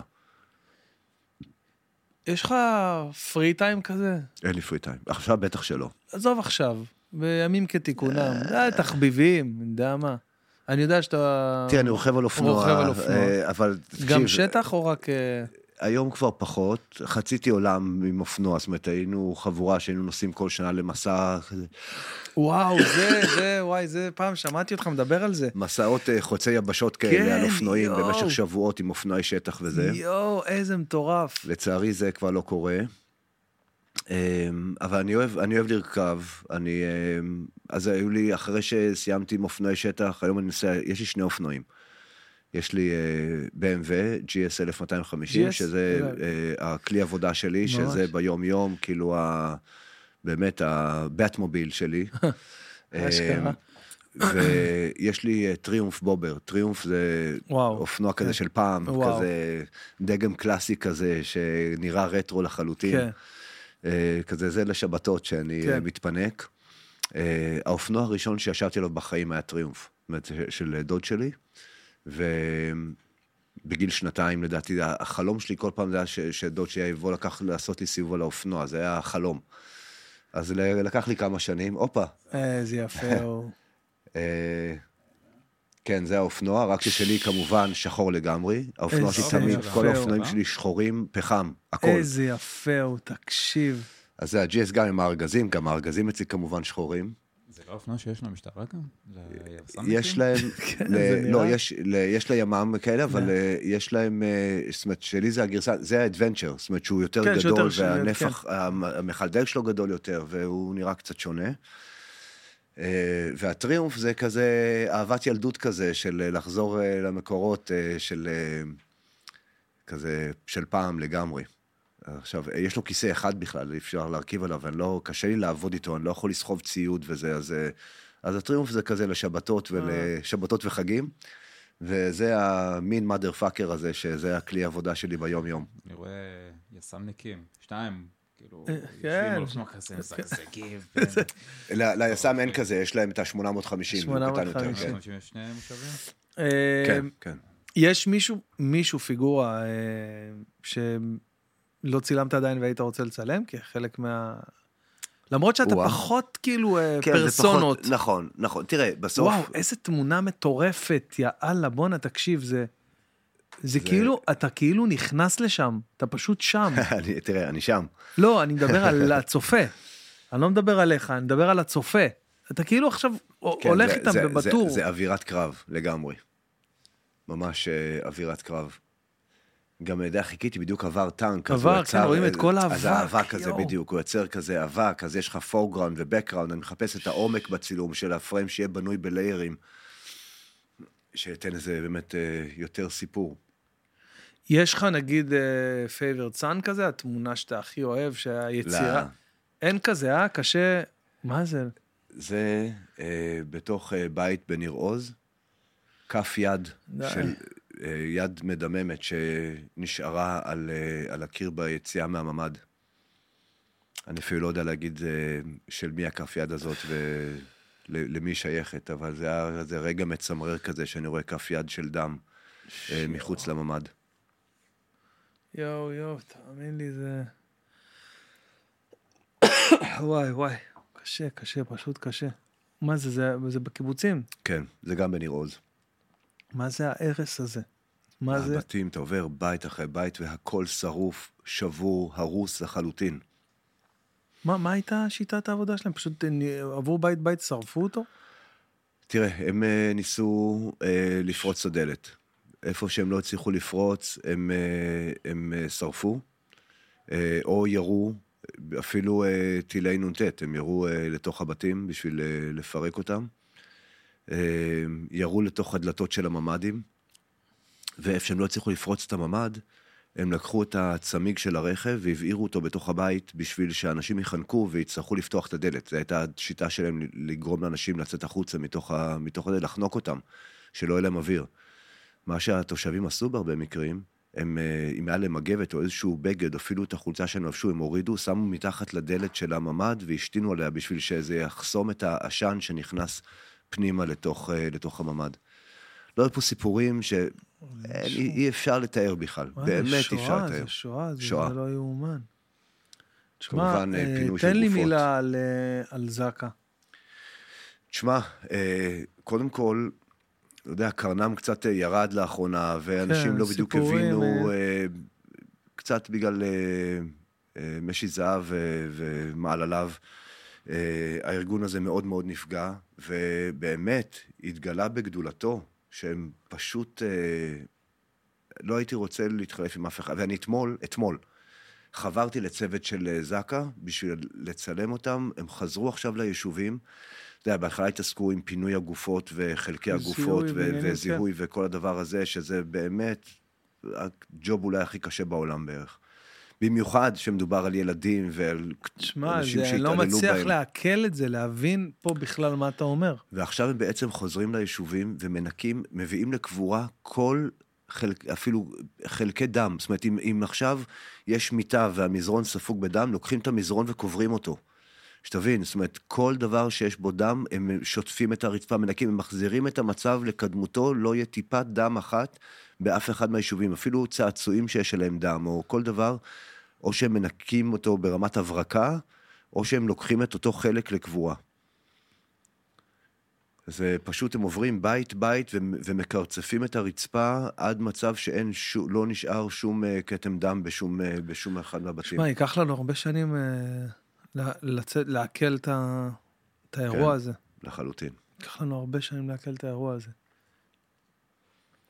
תראה, מה זה... ופה אנחנו רואים... איזה תמונה, וואי, וואי, וואי. זה בבארי, איש של זקה כן, שפוגש כן, לוחם מהלוטר שלחם בבארי, והם התחילו לדבר ופתאום הוא נשבר, האיש של זקה, ופשוט התחיל אה, לבכות במהלך הפינוי של הגופות. אותו צוות אה, של הלוטר אה, לקחו אותי יומיים אחרי, ברכב המשוריין שלהם, צוות אורגני שלחם בבארי, וממש עשו לי את המסלול ש, של הלחימה שלהם. אני מדבר לך שעוד, בזמן שעוד הכל עוד מלא גופות. זה גם uh, בבארי. Unbelievable, אחי, לא יאומן. פשוט לא יאומן. איזה ברבריות, איזה הפקרות, יא אללה. כן, באמת, באמת קשה לתאר. טוב, שמע, אה, המטרה של הפודקאסט היא בין היתר גם... אה, תראה, זה גם סיפור, אני חייב רגע לעצור אותך. תראה מה זה, זה שולחן של שבת. בדיוק. יואו, יואו, יואו. אני עושה, תבין, זה, בימים הראשונים, הלוחמים האלה של הלוטר נכנסים, אתה יודע, עם רובים שלופים לכל בית, מהפחד שעוד אולי יש שם עוד כן. מישהו, זה כאילו, לפני כל בית שאנחנו נכנסים, הם ממש נכנסים למבנה וסורקים את הבית בשביל לאפשר לי להיכנס לצלם. ואז אותו לוחם שלחם בבארי, נעמד מול השולחן שהיו שם חלות מכוסות בבד הזה של שבת, אה, שכתוב עליו שבת שלום. אה, כי זה היה ערב חג הרי. ערב חג, והחלות, שישי, שישי בערב, שבת בבוקר. אתה רואה מצד ימין, הבית הרוס כאילו כמעט לחלוטין. והחלות נשארו על השולחן והוא פשוט פורץ לבכי. שמע, זאת תמונה מטורפת. זה היה פה באמת רגע סופר מרגש. כולם, כולם שם הזילו דמעה. תראה, כל הבית שרוף, כן, והחלות כן. על השולחן. והוא פשוט כל כך התרגש, ואחר כך אני עשיתי לו חיבור, דרך אגב, המשפחה הזאת ניצלה. וה, די. כן, ואחת הבנות, אני לא יודע אם היא, סליחה, אה, זאת שדודה שלה גרה שם, זאת אומרת, האחיינית, ראתה את התמונה הזאת אצלי באינסטגרם, וביקשה, אה, קודם כל סיפרה לי ש, שהמשפחה ניצלה, והם ביקשו לדבר עם החייל, ואני יצרתי קשר בין, בין בעלי הבית לבין, אה, לבין אה, אה, יאיר, החייל הזה, וש, ונוצר ביניהם קשר, זה היה באמת מדהים. שמע, דיברתי על זה בפרק האחרון, סליחה, בפרק האחרון שהיה לי פה עם שי גולדשטיין. דיברנו על זה שכמה הדור הזה, ש... חלק אה, פחדו, לעגו, צחקו, אמרו, מה נעשה עם הדור הזה, הדור הטיק טוק, הדור של זה, התגלו כאריות. כן. כלוחמים, כאנשים, תקשיב, אני ראיתי סיפורים, אני נפגשתי עם פצועים בבתי חולים, אתה לא מאמין. בגלל זה גם אמרתי לך אתה, קודם בן שזה... אדם, ילד בן 19, מספר לך עכשיו סיפור של מה שקרה לו עם הזה. סיפורי גבורה אדירים. אתה אומר, מה זה, ברוס וויליס. זה כאילו באמת בסרטים האלה של ברוס וויליס, זה לא, אני לא מאמין שזה קורה. אני לא מאמין שהבן אדם עשה לעצמו חוסם עורקים פה, הוא עם שני כדורים ברגל, הרגל שלו שבורה, מרוסקת, והוא רץ 200 מטר כשהוא יורה ביד אחת. אתה אומר, זה ברוס וויליס. מדהים. באמת אני אה, שואב, אני שואב, מה, בדיוק, אני שואב מהדברים האלה המון, אה, המון גאווה ותקווה ו... ו וואו, תראה את הבתים, אלוהים ישמור. אני אומר לך, זה סיפורי הזוועה וסיפורי הגבורה הכי משמעותיים שהיו פה מאז השואה.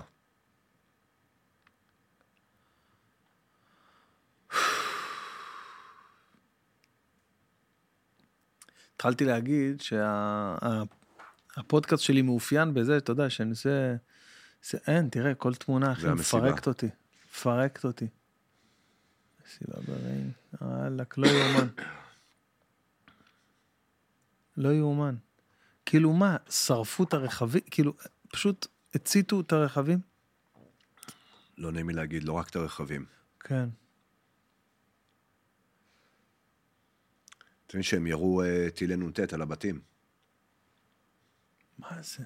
מה זה? מה זה? בשביל לפרוץ אה, פנימה. וזה... וזה- שצה"ל אה, ירה פגזים. גם, גם, שלו. גם, אבל ה... לא, לא מעט בתים, אה, הפגיעות שלהם זה מטילי נ"ט שירו הפלסטינים שלו, מחבלי החמאס, לא הפלסטינים, סליחה. כן.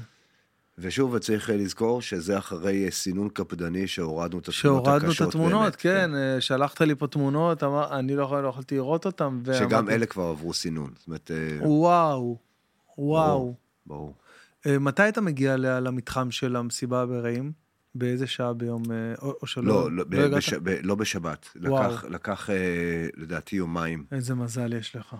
אה, איזה מזל כי- יש לך. כי אי אפשר היה להגיע, זאת אומרת, אנחנו אפילו באיזושהי נקודה שהצלחנו להיכנס לציר 232, בא מולנו ג'יפ, אומר, לי, אומר לנו, חבר'ה, אני לא, אני, אני, I'm nobody, אבל עוד יש פה מחבלים, עכשיו נהרג פה אזרח לפני שעה, כאילו, עוד מסתובבים פה עוד מחבלים, אני מבקש מכם, עד הלילה תתפנו, היו, כן. עד לא, הלילה, מדבר עד- איתך- עד יום למחרת, אה, כן, עד גם יום למחרת, נכון, כן, חשבתי שאתה מדבר על השביעי. לא, לא, אני מדבר על יום ראשון, כאילו, על השמיני לחודש. כן, כן, היו עוד זה, ועוד חשש לחדירה, ועוד... תקשיב, אני אמרתי לך, אני הייתי בשיבא, והמ"פ צולם בתל השומר. המ"פ של שלדג, אחד מהראשונים שנכנס למסיבה ותיאר שם ואיבד חמישה, שישה מהחיילים שלו. לוחמים שלו, כן. לוחמים שלו, והוא הראה לי, קודם כל הוא היה באיזה אה, סטייט כזה של, שאי אפשר להסביר אותו כמעט, אתה רואה כאילו בן אדם שהוא, כאילו הוא לא מודע ל... ל הוא עוד לא עיכל, כאילו, הוא כאילו הוא לא- מדבר הוא- איתך הוא לא- כאילו, הוא לא מודע כמה הוא גיבור. הוא לא מודע גם ל, ל, ל, למצב, כאילו למה, לאירוע, לגודל האירוע, הוא פגוע מאיזה ארבעה, אה, אה, ארבעה כניסות של כדורים, אחד בגב, אחד ביד, והוא מדבר איתך הוא מראה לך, עם היד שנשארה לו עובדת, מראה לך את התמונות, וכאילו, הנה, ופה נכנסנו לזה, ואני רואה את התמונות, אמרתי לך, זה שיבש לי את כל ה... אני לא יודע להגיד כבר, אני לא זוכר את השבוע הראשון, אני כאילו נמחק לי מהמוח, זה שיבש אותי, אני חזרתי הביתה ככה, אשתי אומרת לי, "מה- קרה, מה, כאילו ראית שד, אמרתי לו, יותר גרוע. הרבה יותר גרוע. הלוואי היינו רואים שד. ממש. אה, חייבים לסיים בנימה אופטימית, חייבים, חייבים, חייבים. קודם כל, אני באמת, אני באמת, באמת, באמת, אני קודם כל אדם מאוד מאמין, ואני אה, אני מניח שאתה גם ראית הרבה ניסים ו- ודברים בחיים שלך, ועם כל מה שעברת, אני... אתה יודע מה, אני, אני, אני לא בן אדם אה, מאמין. זאת אומרת, אני מאמין בהרבה מאוד דברים, אבל... זהו, כאילו, כן. כל- בן אדם הוא מאמין בצורה כן. כלשהי. עכשיו אני חייב לספר לך איזה סיפור קטן, שהוא, ומפה תיקח את זה לא, לאיזושהי אחי, דבר אה, חופשי, יציאה, יציאה כן. אופטימית. יש לי חברה מאוד מאוד טובה אה, בשם אה, כרמית, שהיא גרה ב- בבארי. והן שלוש חברות מאוד טובות, שהן שלושתן אני בקשר מצוין, השתיים האחרות זה מירי מסיקה וקרן פלס. וכרמית היא הצלע השלישית שלהם, הם כזה הרבה מאוד ביחד, ואנחנו מבלים הרבה ביחד, ואני מאוד אוהב את שלושתן. ולקח לי איזה חמישה-שישה ימים לאזור אומץ ולשאול, להתקשר למירי ולקרן ולשאול אם כרמית חיה. אמ, והתקשרתי לשתיהן ואף אחת מהן לא ענתה לי לטלפון, וזה היה לי ברור שכרמית כבר לא איתנו. ומירי חזרה אליי בשתיים בלילה, לספר לי שכרמית בחו"ל עם כל המשפחה שלה, וכל המשפחה המורחבת, זאת אומרת, כל, זאת אומרת, בעלה. לבעלה יש ארבע, עוד ארבעה אחים שכולם גרים שם- בבארי, וואו. עם כל הילדים שלהם, באמת, ב- ב- באמת בנס גלוי. וואו. היו, נסעו לסוף שבוע בקפריסין, והיו וואו. אמורים לחזור באותה שבת. ואז אה, כרמית נשארה בחו"ל, ואני מתקשר אליה כשאני מגיע אליה הביתה, והבית נשרף לחלוטין. זאת אומרת, היא אומרת, אתה חייב לצלם לי את הבית, אתה חייב לצלם את הבית, ואני אומר, איך אני בכלל שולח לה מפה תמונה? כאילו, לא נשאר כלום מהבית. ואני נכנס עם עוד, אה, עם עוד חייל, זאת אומרת, שמלווה אותי, אה, חייל חובש כיפה, ואנחנו עושים סיבוב בבית, לא נשאר שום דבר. הבית שרוף, הקירות שחורים, התקרה קרסה, אני רואה את השמיים, זאת אומרת, יש רק קירות שחורים. יואו. ויש, נשאר מדפון בעובי של שלושה-ארבעה סנטימטר מעץ, שגם הוא כולו שרוף, אבל יש עליו כוס, כוס קטנה, כוס כמו של אה, קפה טורקי כזה, של... אה, כן. של אה, זה, ובתוך הכוס, הדבר היחיד ששרד מהבית, ספר תהילים שלא נשרף. איך אתה מסביר את זה? די, בואנה, זה לא מטורף. עכשיו, שמע- לא, לא אני ראיתי את זה, ראה את זה החייל החובש כיפה, והוא מוציא את זה, והוא מתחיל לבכות. הוא אומר, תקשיב, זה, זה, זה לא ייאמן. לא נשאר כלום מהבית, כלום. חוץ מהספר תהילים שישב בתוך כוס. על המדף, שהמדף כולו שרוף והכוס מפויכת, ובפנים ספר תהילים שהקאבר שלו, אה, אה, לא יודע, הוא כנראה היה מפלסטיק, אז הוא נמס, אבל הספר עצמו לא נפגע. זה לא נורמלי. תשמע, גם, אתה יודע, הייתה את זאת ש... שזה, שזה בעיניי, אתה יודע, פה אתה אומר ספר, תהילים, סוכה, סוכה שלמה, כל הבית שלה נשרף כליל, הסוכה סמוכה לבית. היא אומרת, היא מראה לכתבים, זה היה בטלוויזיה, היא מראה לכתבים, תראו את הבד, הבד לבן, הקישוטים נמצאים פה, כל הבית מרוסק, שבור.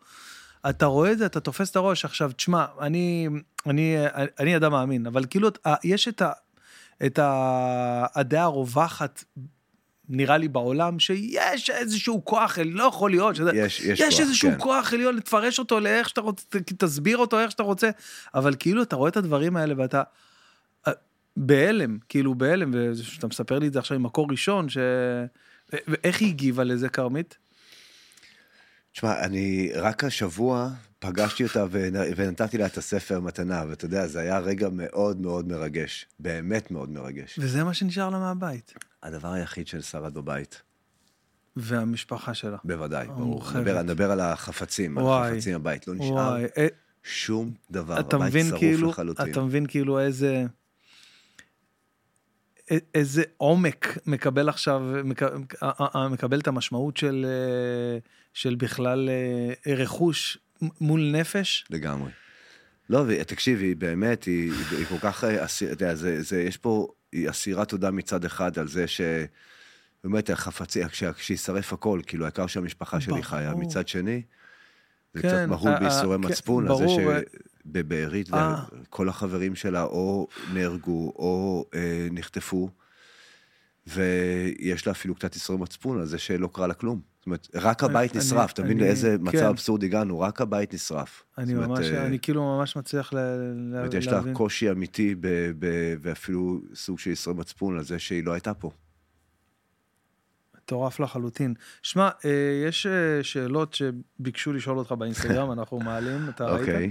אז נשאל כמה, אני עושה את זה ממש ב... אה, תראה איזה תמונה, או-אה. איזה חשוב. תראה אור, אפשר להראות את ה... כן, הנה, רואים קצת?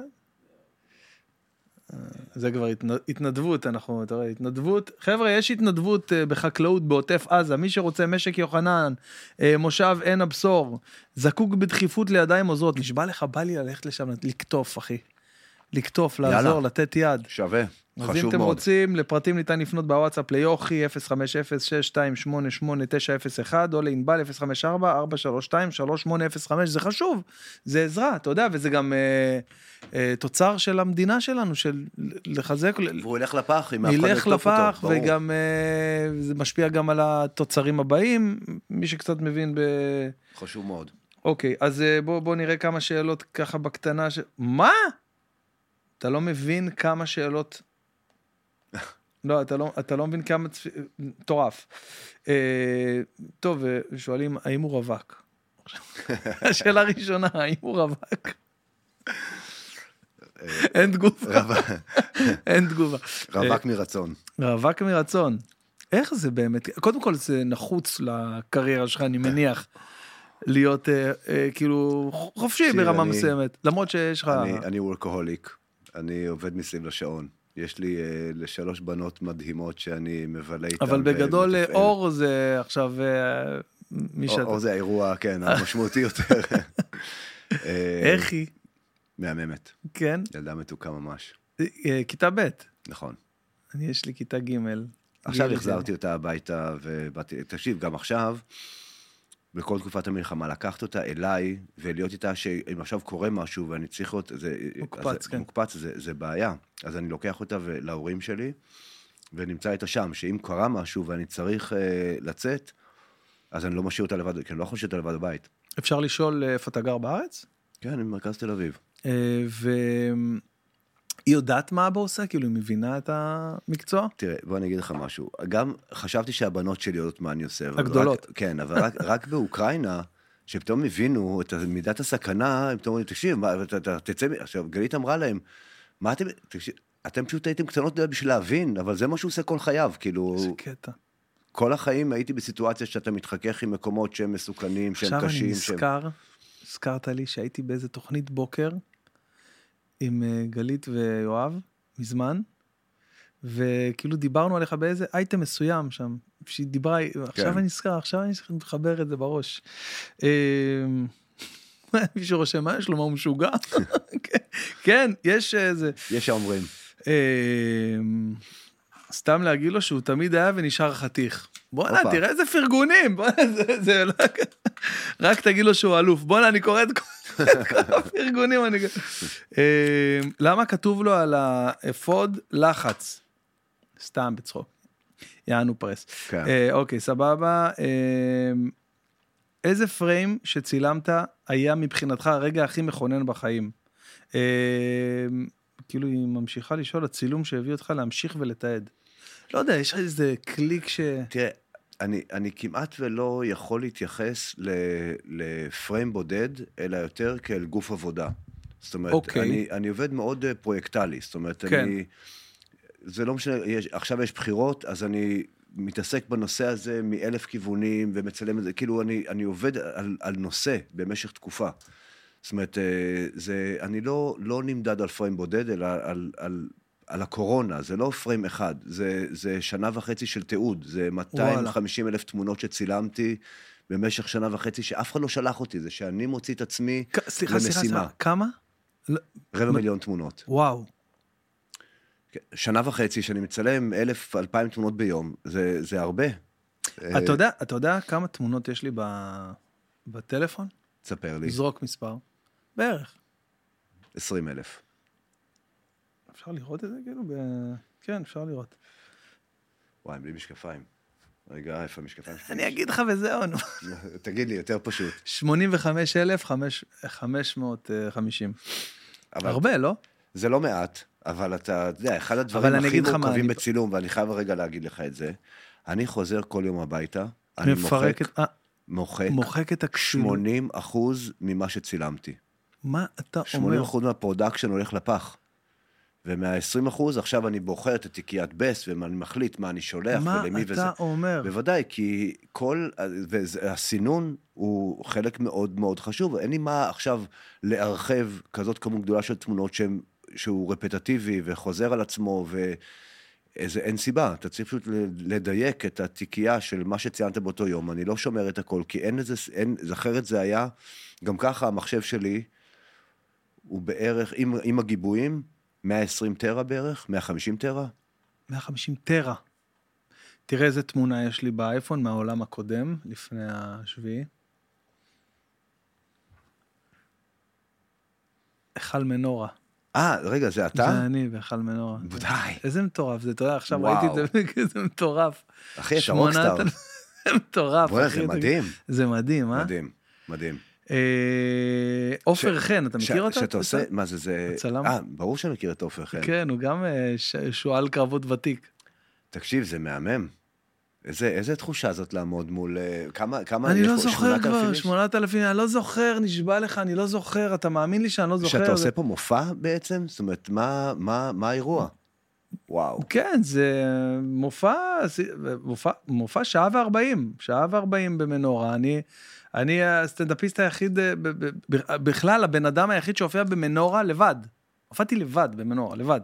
לא מחמם, לא להקל. מול 8,000 איש. כן, לבד, שעה וארבעים, אני לא- אני לא מאמין שאני אומר את זה, אני אומר, אמרתי את זה כבר כמה פעמים, סליחה שוב מכל אלה ששומע, אבל פשוט אני לא מאמין כל פעם שאני אומר את זה. וואו. זה... אז גם מישהו. אמר לי את זה בגלי צה"ל, שעליתי לרא- לאיזה ראיון אה, יום יומיים אחרי, הוא אמר לי, יודע, אתה יודע, אתה היחיד שהופעת במנורה לבד. מטורף. נגיד כל זמר שמופיע, אז הוא מארח את זה, מחמם, עניינים, להקות, לבד, מיקרופון. יאללה. אז זה היה, רגע, נחזור לשאלות, כי היו מגניבות כאלה. הנה. אמ, וואי, יש פה שאלה, אה, אם הוא יכול בבקשה לספר על תמונה משמחת שהוא צילם דווקא עכשיו לאחרונה. וואו. יש גם, בא לי לבכות. די, אין לי. וואו. גם לי בא לבכות. באמת, אין לי אה, שום דבר משמח שצילמתי. אה, אתה יודע מה? אתה יודע מה יש לי. יש בעצם, תקווה. כן. יש תקווה, כן, חבר'ה, יש לי, תקווה, יש לי, יש פתאום תקווה. עלה לי. צילמתי חתונה.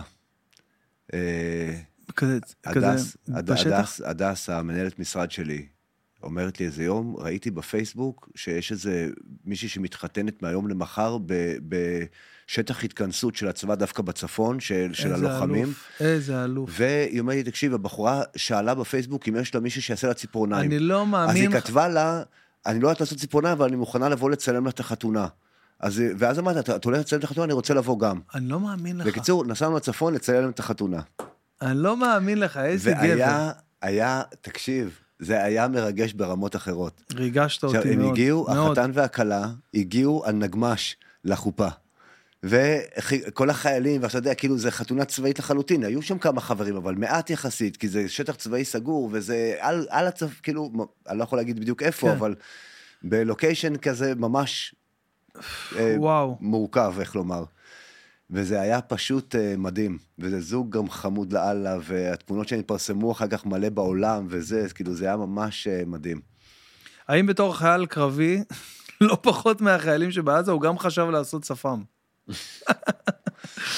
אה, עבר לך בראש? אני האמת, אה, אה, אני רציתי גם. אני, אני פחות בן אדם של טרנדים, אני חייב להגיד. לא התגלחתי בכלל?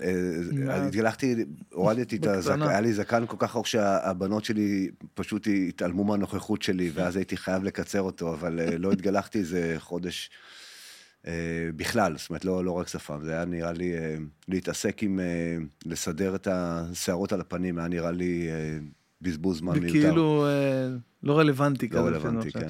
אה, מתי הוא יעשה סיקור יחד עם איתי אנגל? אז דיברנו קצת על איתי, חברי הטוב, איש אדיר, ואני באמת אחד האנשים שאני הכי מעריך בתקשורת, אה, ואני מאוד אוהב אותו. איזה נפגשנו איש השבוע. מיוחד הוא, אה? מאוד, מאוד. באמת איש מדהים. אה, אנחנו כל הזמן חושבים לעשות דברים ביחד. יש לנו שוב את רציתי הפער לשאול- של בין אה, טלוויזיה לסטילס, אבל אנחנו עשינו פרויקטים כן. בעבר, ואני מניח שנעשה גם בעתיד. אני... עכשיו, אשמח מאוד לעבוד רציתי איתו. לשאול, אה, עכשיו קפצו לי שתי שאלות לראש שרציתי לשאול ולא שאלתי. אה, מה המרחק באמת מסטילס לוידאו עבורך? זאת אומרת, זה לא שעכשיו אין לך מושג ב... לא, זה לא שאלה של מושג. זה יותר עניין של אמירה. זאת אומרת, תראה, עכשיו כשנכנסתי נגיד באחת הכניסות, הייתי צריך עבור ynet לעשות אה, ראיון עם, אה, עם אה, מפקד, אה, בג- מפקד, אחד המפקדים בגבעתי, ועשיתי לו ראיון וידאו. זאת אומרת, זה, זה לא משהו שאני כאילו לא יודע איך להתמודד איתו. אני חושב שיש משהו מאוד אה, שונה ב- ב- בתפיסה, אני חושב שיש...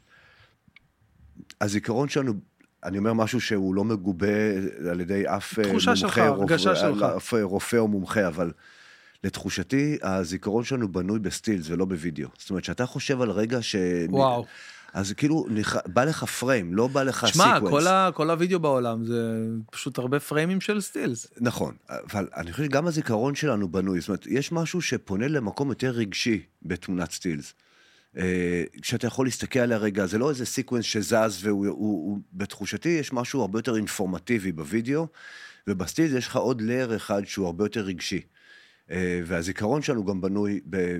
שאנחנו זוכרים, כשאתה מסתכל רגע אחורה, אתה לא זוכר אם הוא היה בטלוויזיה או בזה, אבל אתה זוכר איזה פריים, כאילו. בואנה, אני ו- ממש ממש מתחבר למה שאתה אומר פה עכשיו. ודווקא בגלל זה אני, יש, יש לי אהבה אמיתית כאילו לצילום הסטילס, למרות ששוב, זה פחות מסחרי, זה פחות... אה, שוב, אתה יודע, גם ברור לי שאם הייתי הולך לפי הכללים, מה שנקרא, הייתי כבר מזמן צריך לעבור לוידאו. גם כל השפה של הסושיאל עברה הרבה יותר נכון. לוידאו וכל זה. אני לא מת על זה. קטע. זאת אומרת, אה, אני, אני דבק, כל עוד אני יכול, אני דבק במה שאני יודע לעשות הכי טוב. אה, יש פה שאלה, אה, האם אפשר להיות מיליונר מצילום? בוא נתחיל מלהתפרנס בכבוד. מיליונר לא תהיה בחיים. איי, איי, בארץ זה כל כך, זה. כן. איך זה להיות כזה כישרון גדול? וואו. איך אתה, אתה מרגיש את זה שאתה...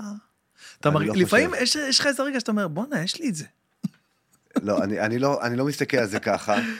אני כל כך אה, טרוד בהפקה, וכמו שאתה ראית, כמו שעצרנו רגע את השידור לרגע, והתעסקתי עם הטלפון, אתה יודע, אני כל היום מתחנן על נפשי מול כל מיני גורמים, דובר צה"ל ודוברים פה ושם וזה, בשביל לקבל access ולקבל זה.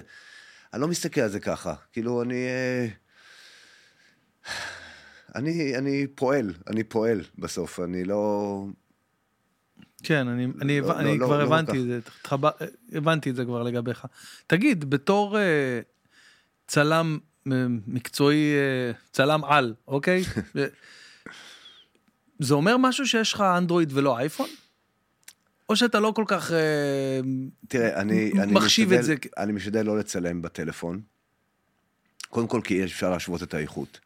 עכשיו, יש בזה משהו נורא נגיש, הרבה יותר נעים כזה פתאום לשלוף את הטלפון ולעשות נכון. תמונה. עכשיו, זה לא שאני לא מצלם בכלל, בסוף אם אני רוצה רגע לשלוח תמונה של, אה, לא יודע מה, אני נמצא בחנות, רוצה לשלוח לבנות שלי תמונה של הנעליים, ברור שאני אעשה את זה בטלפון. איזה מצחיק, אתה מוציא שנייה את המצלמה. שם עדשה 70-200.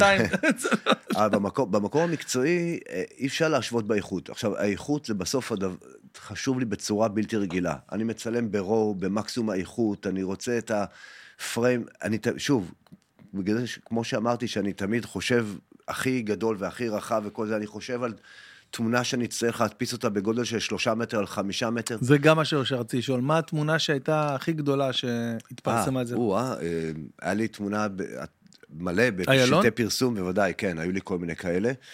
גם היה, לי תמונה של, אה, על כל כיכר אה, רבין, היה תמונה של 30 מטר, זאת אומרת, וגם שלטי פרסום ענקיים, כאילו, היו מכל מיני...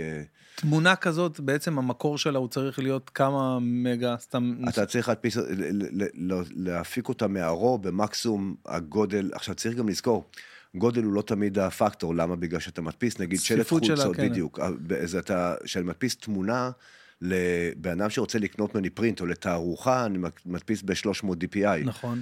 השלטי חוצות הענקיים האלה מודפסים ב-12 DPI. כן. זאת אומרת, אם אתה מתקרב, אתה רואה כל פיקסל כל בגודל פי- של אה, נכון, כדור טניס, כאילו. נכון. אז, אז זה, זה, זה נורא, זה לא בהכרח הגודל חייב להיות במול, במכפלות של, של, של הגודל של תמונה אה, רגילה שאנחנו מסתכלים עליה.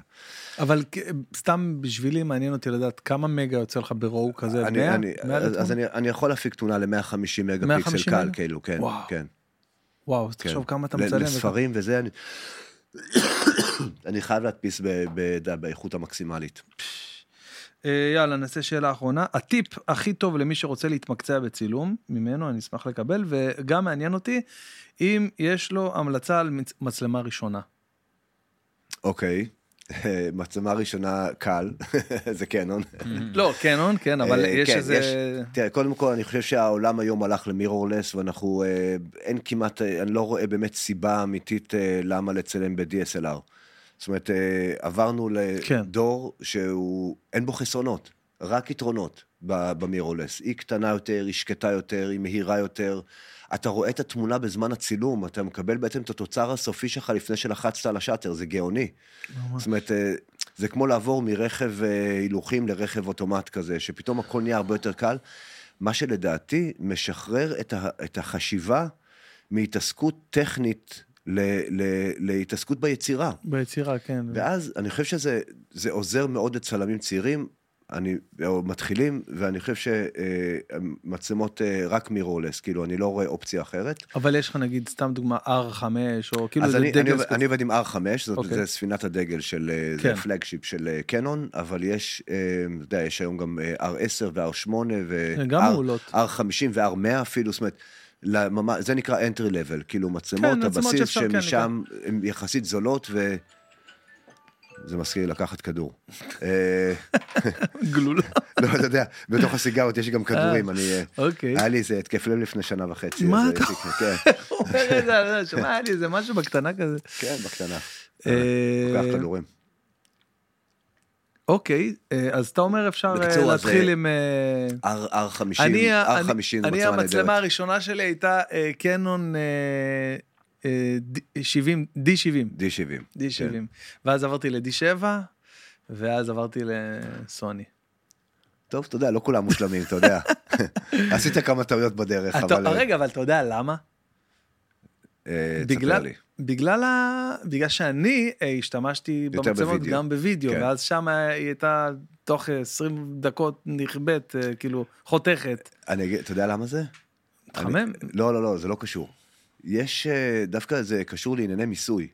המיסוי על מצלמות וידאו הרבה יותר גדול. אם המצלמת סטילס שיודעת לצלם וידאו, חורגת מעל זמן מסוים, בהגדרה היא נחשבת מצלמת וידאו. אז הם גדול. היו בעצם מייצרים את הסרטון, אתה יכול לעשות, לא זוכר, עד, עד 29 אז 20 דקות, כן, נדמה לי, 29 דקות, בדיוק. אה, ואז בעצם, כי מעל חצי שעה זה כבר מוגדר מצלמת וידאו, וואו, ואז המיסוי גדול. עליה שונה.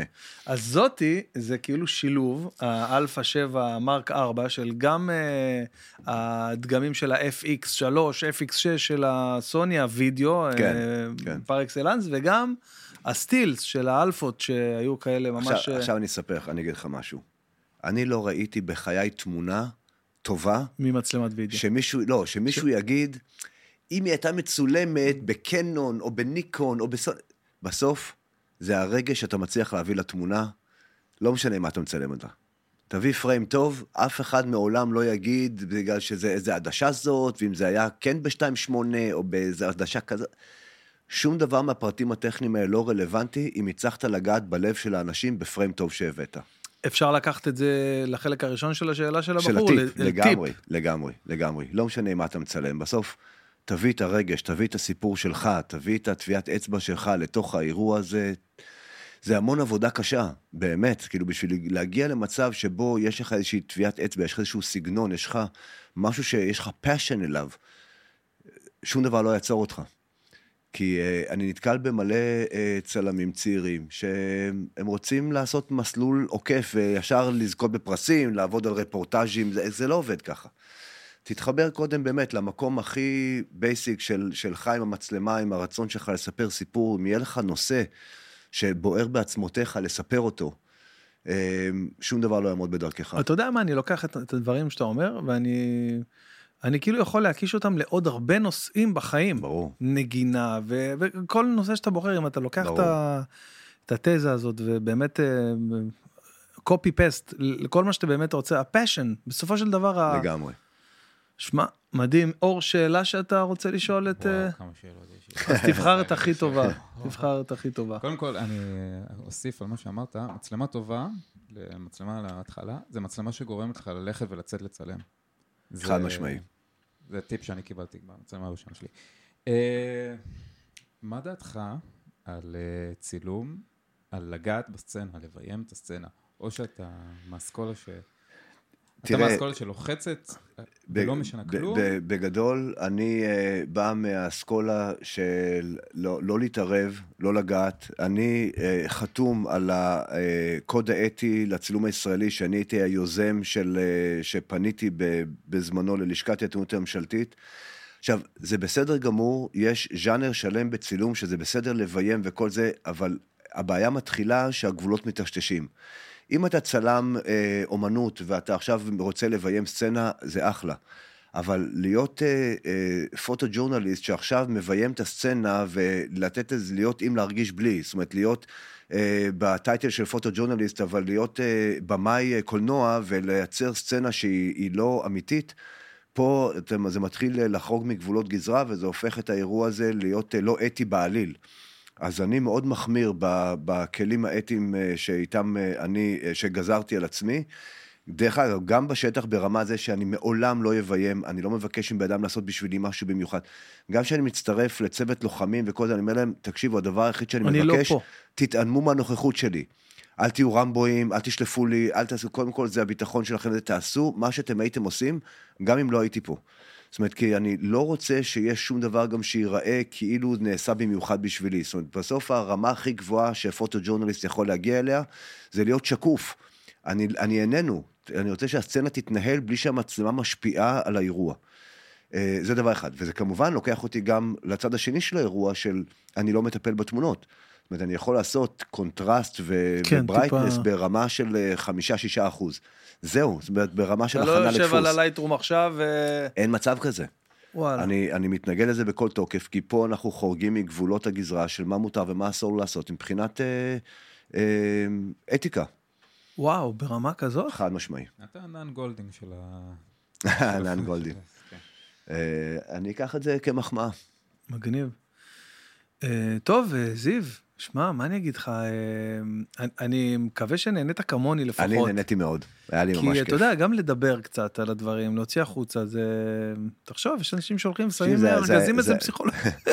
זה האתנחתא הכי טובה שהייתה לי מהשביעי לאוקטובר. וואו, אני ממש ממש ממש שמח לשמוע את זה. אני גם נהניתי והשכלתי מאוד, והייתי יכול לשבת איתך פה עוד שלוש שעות, אחי, רק לדבר, לשמוע דברים, אבל אני... אולי תלך תישן קצת היום ככה, יש לך מחר עזה על הראש. אל תגלה, ש- אל תגלה.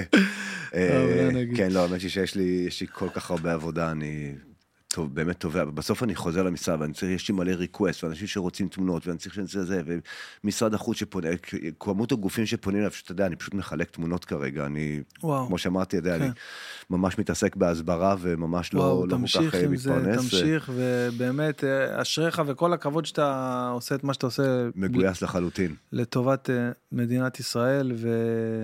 ותמשיך עם זה, ואני מקווה, אתה יודע, שניפגש שניפגש ל... בשמחות, ניפגש בשמחות לעוד פרק, אה, יאללה. אתה יודע, על אה, באהבה. זווית אחרת ובימים טובים.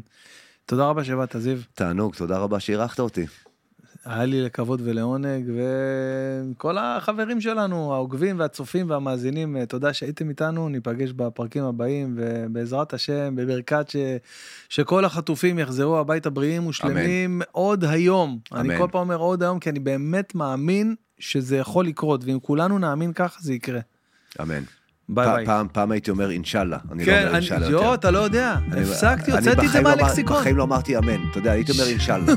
תקשיב. שחררתי את המילה הזאת. רק- רק הוצאתי, איזה אמן. כיף שעוד מישהו כמוני, אני, אני הייתי כותב באוטומט, אינשאללה בוואטסאפ. נכון? אין יותר. הוצאתי את זה, אמן. ואמן. בדיוק. ביי חברים, כל טוב. יאללה ביי.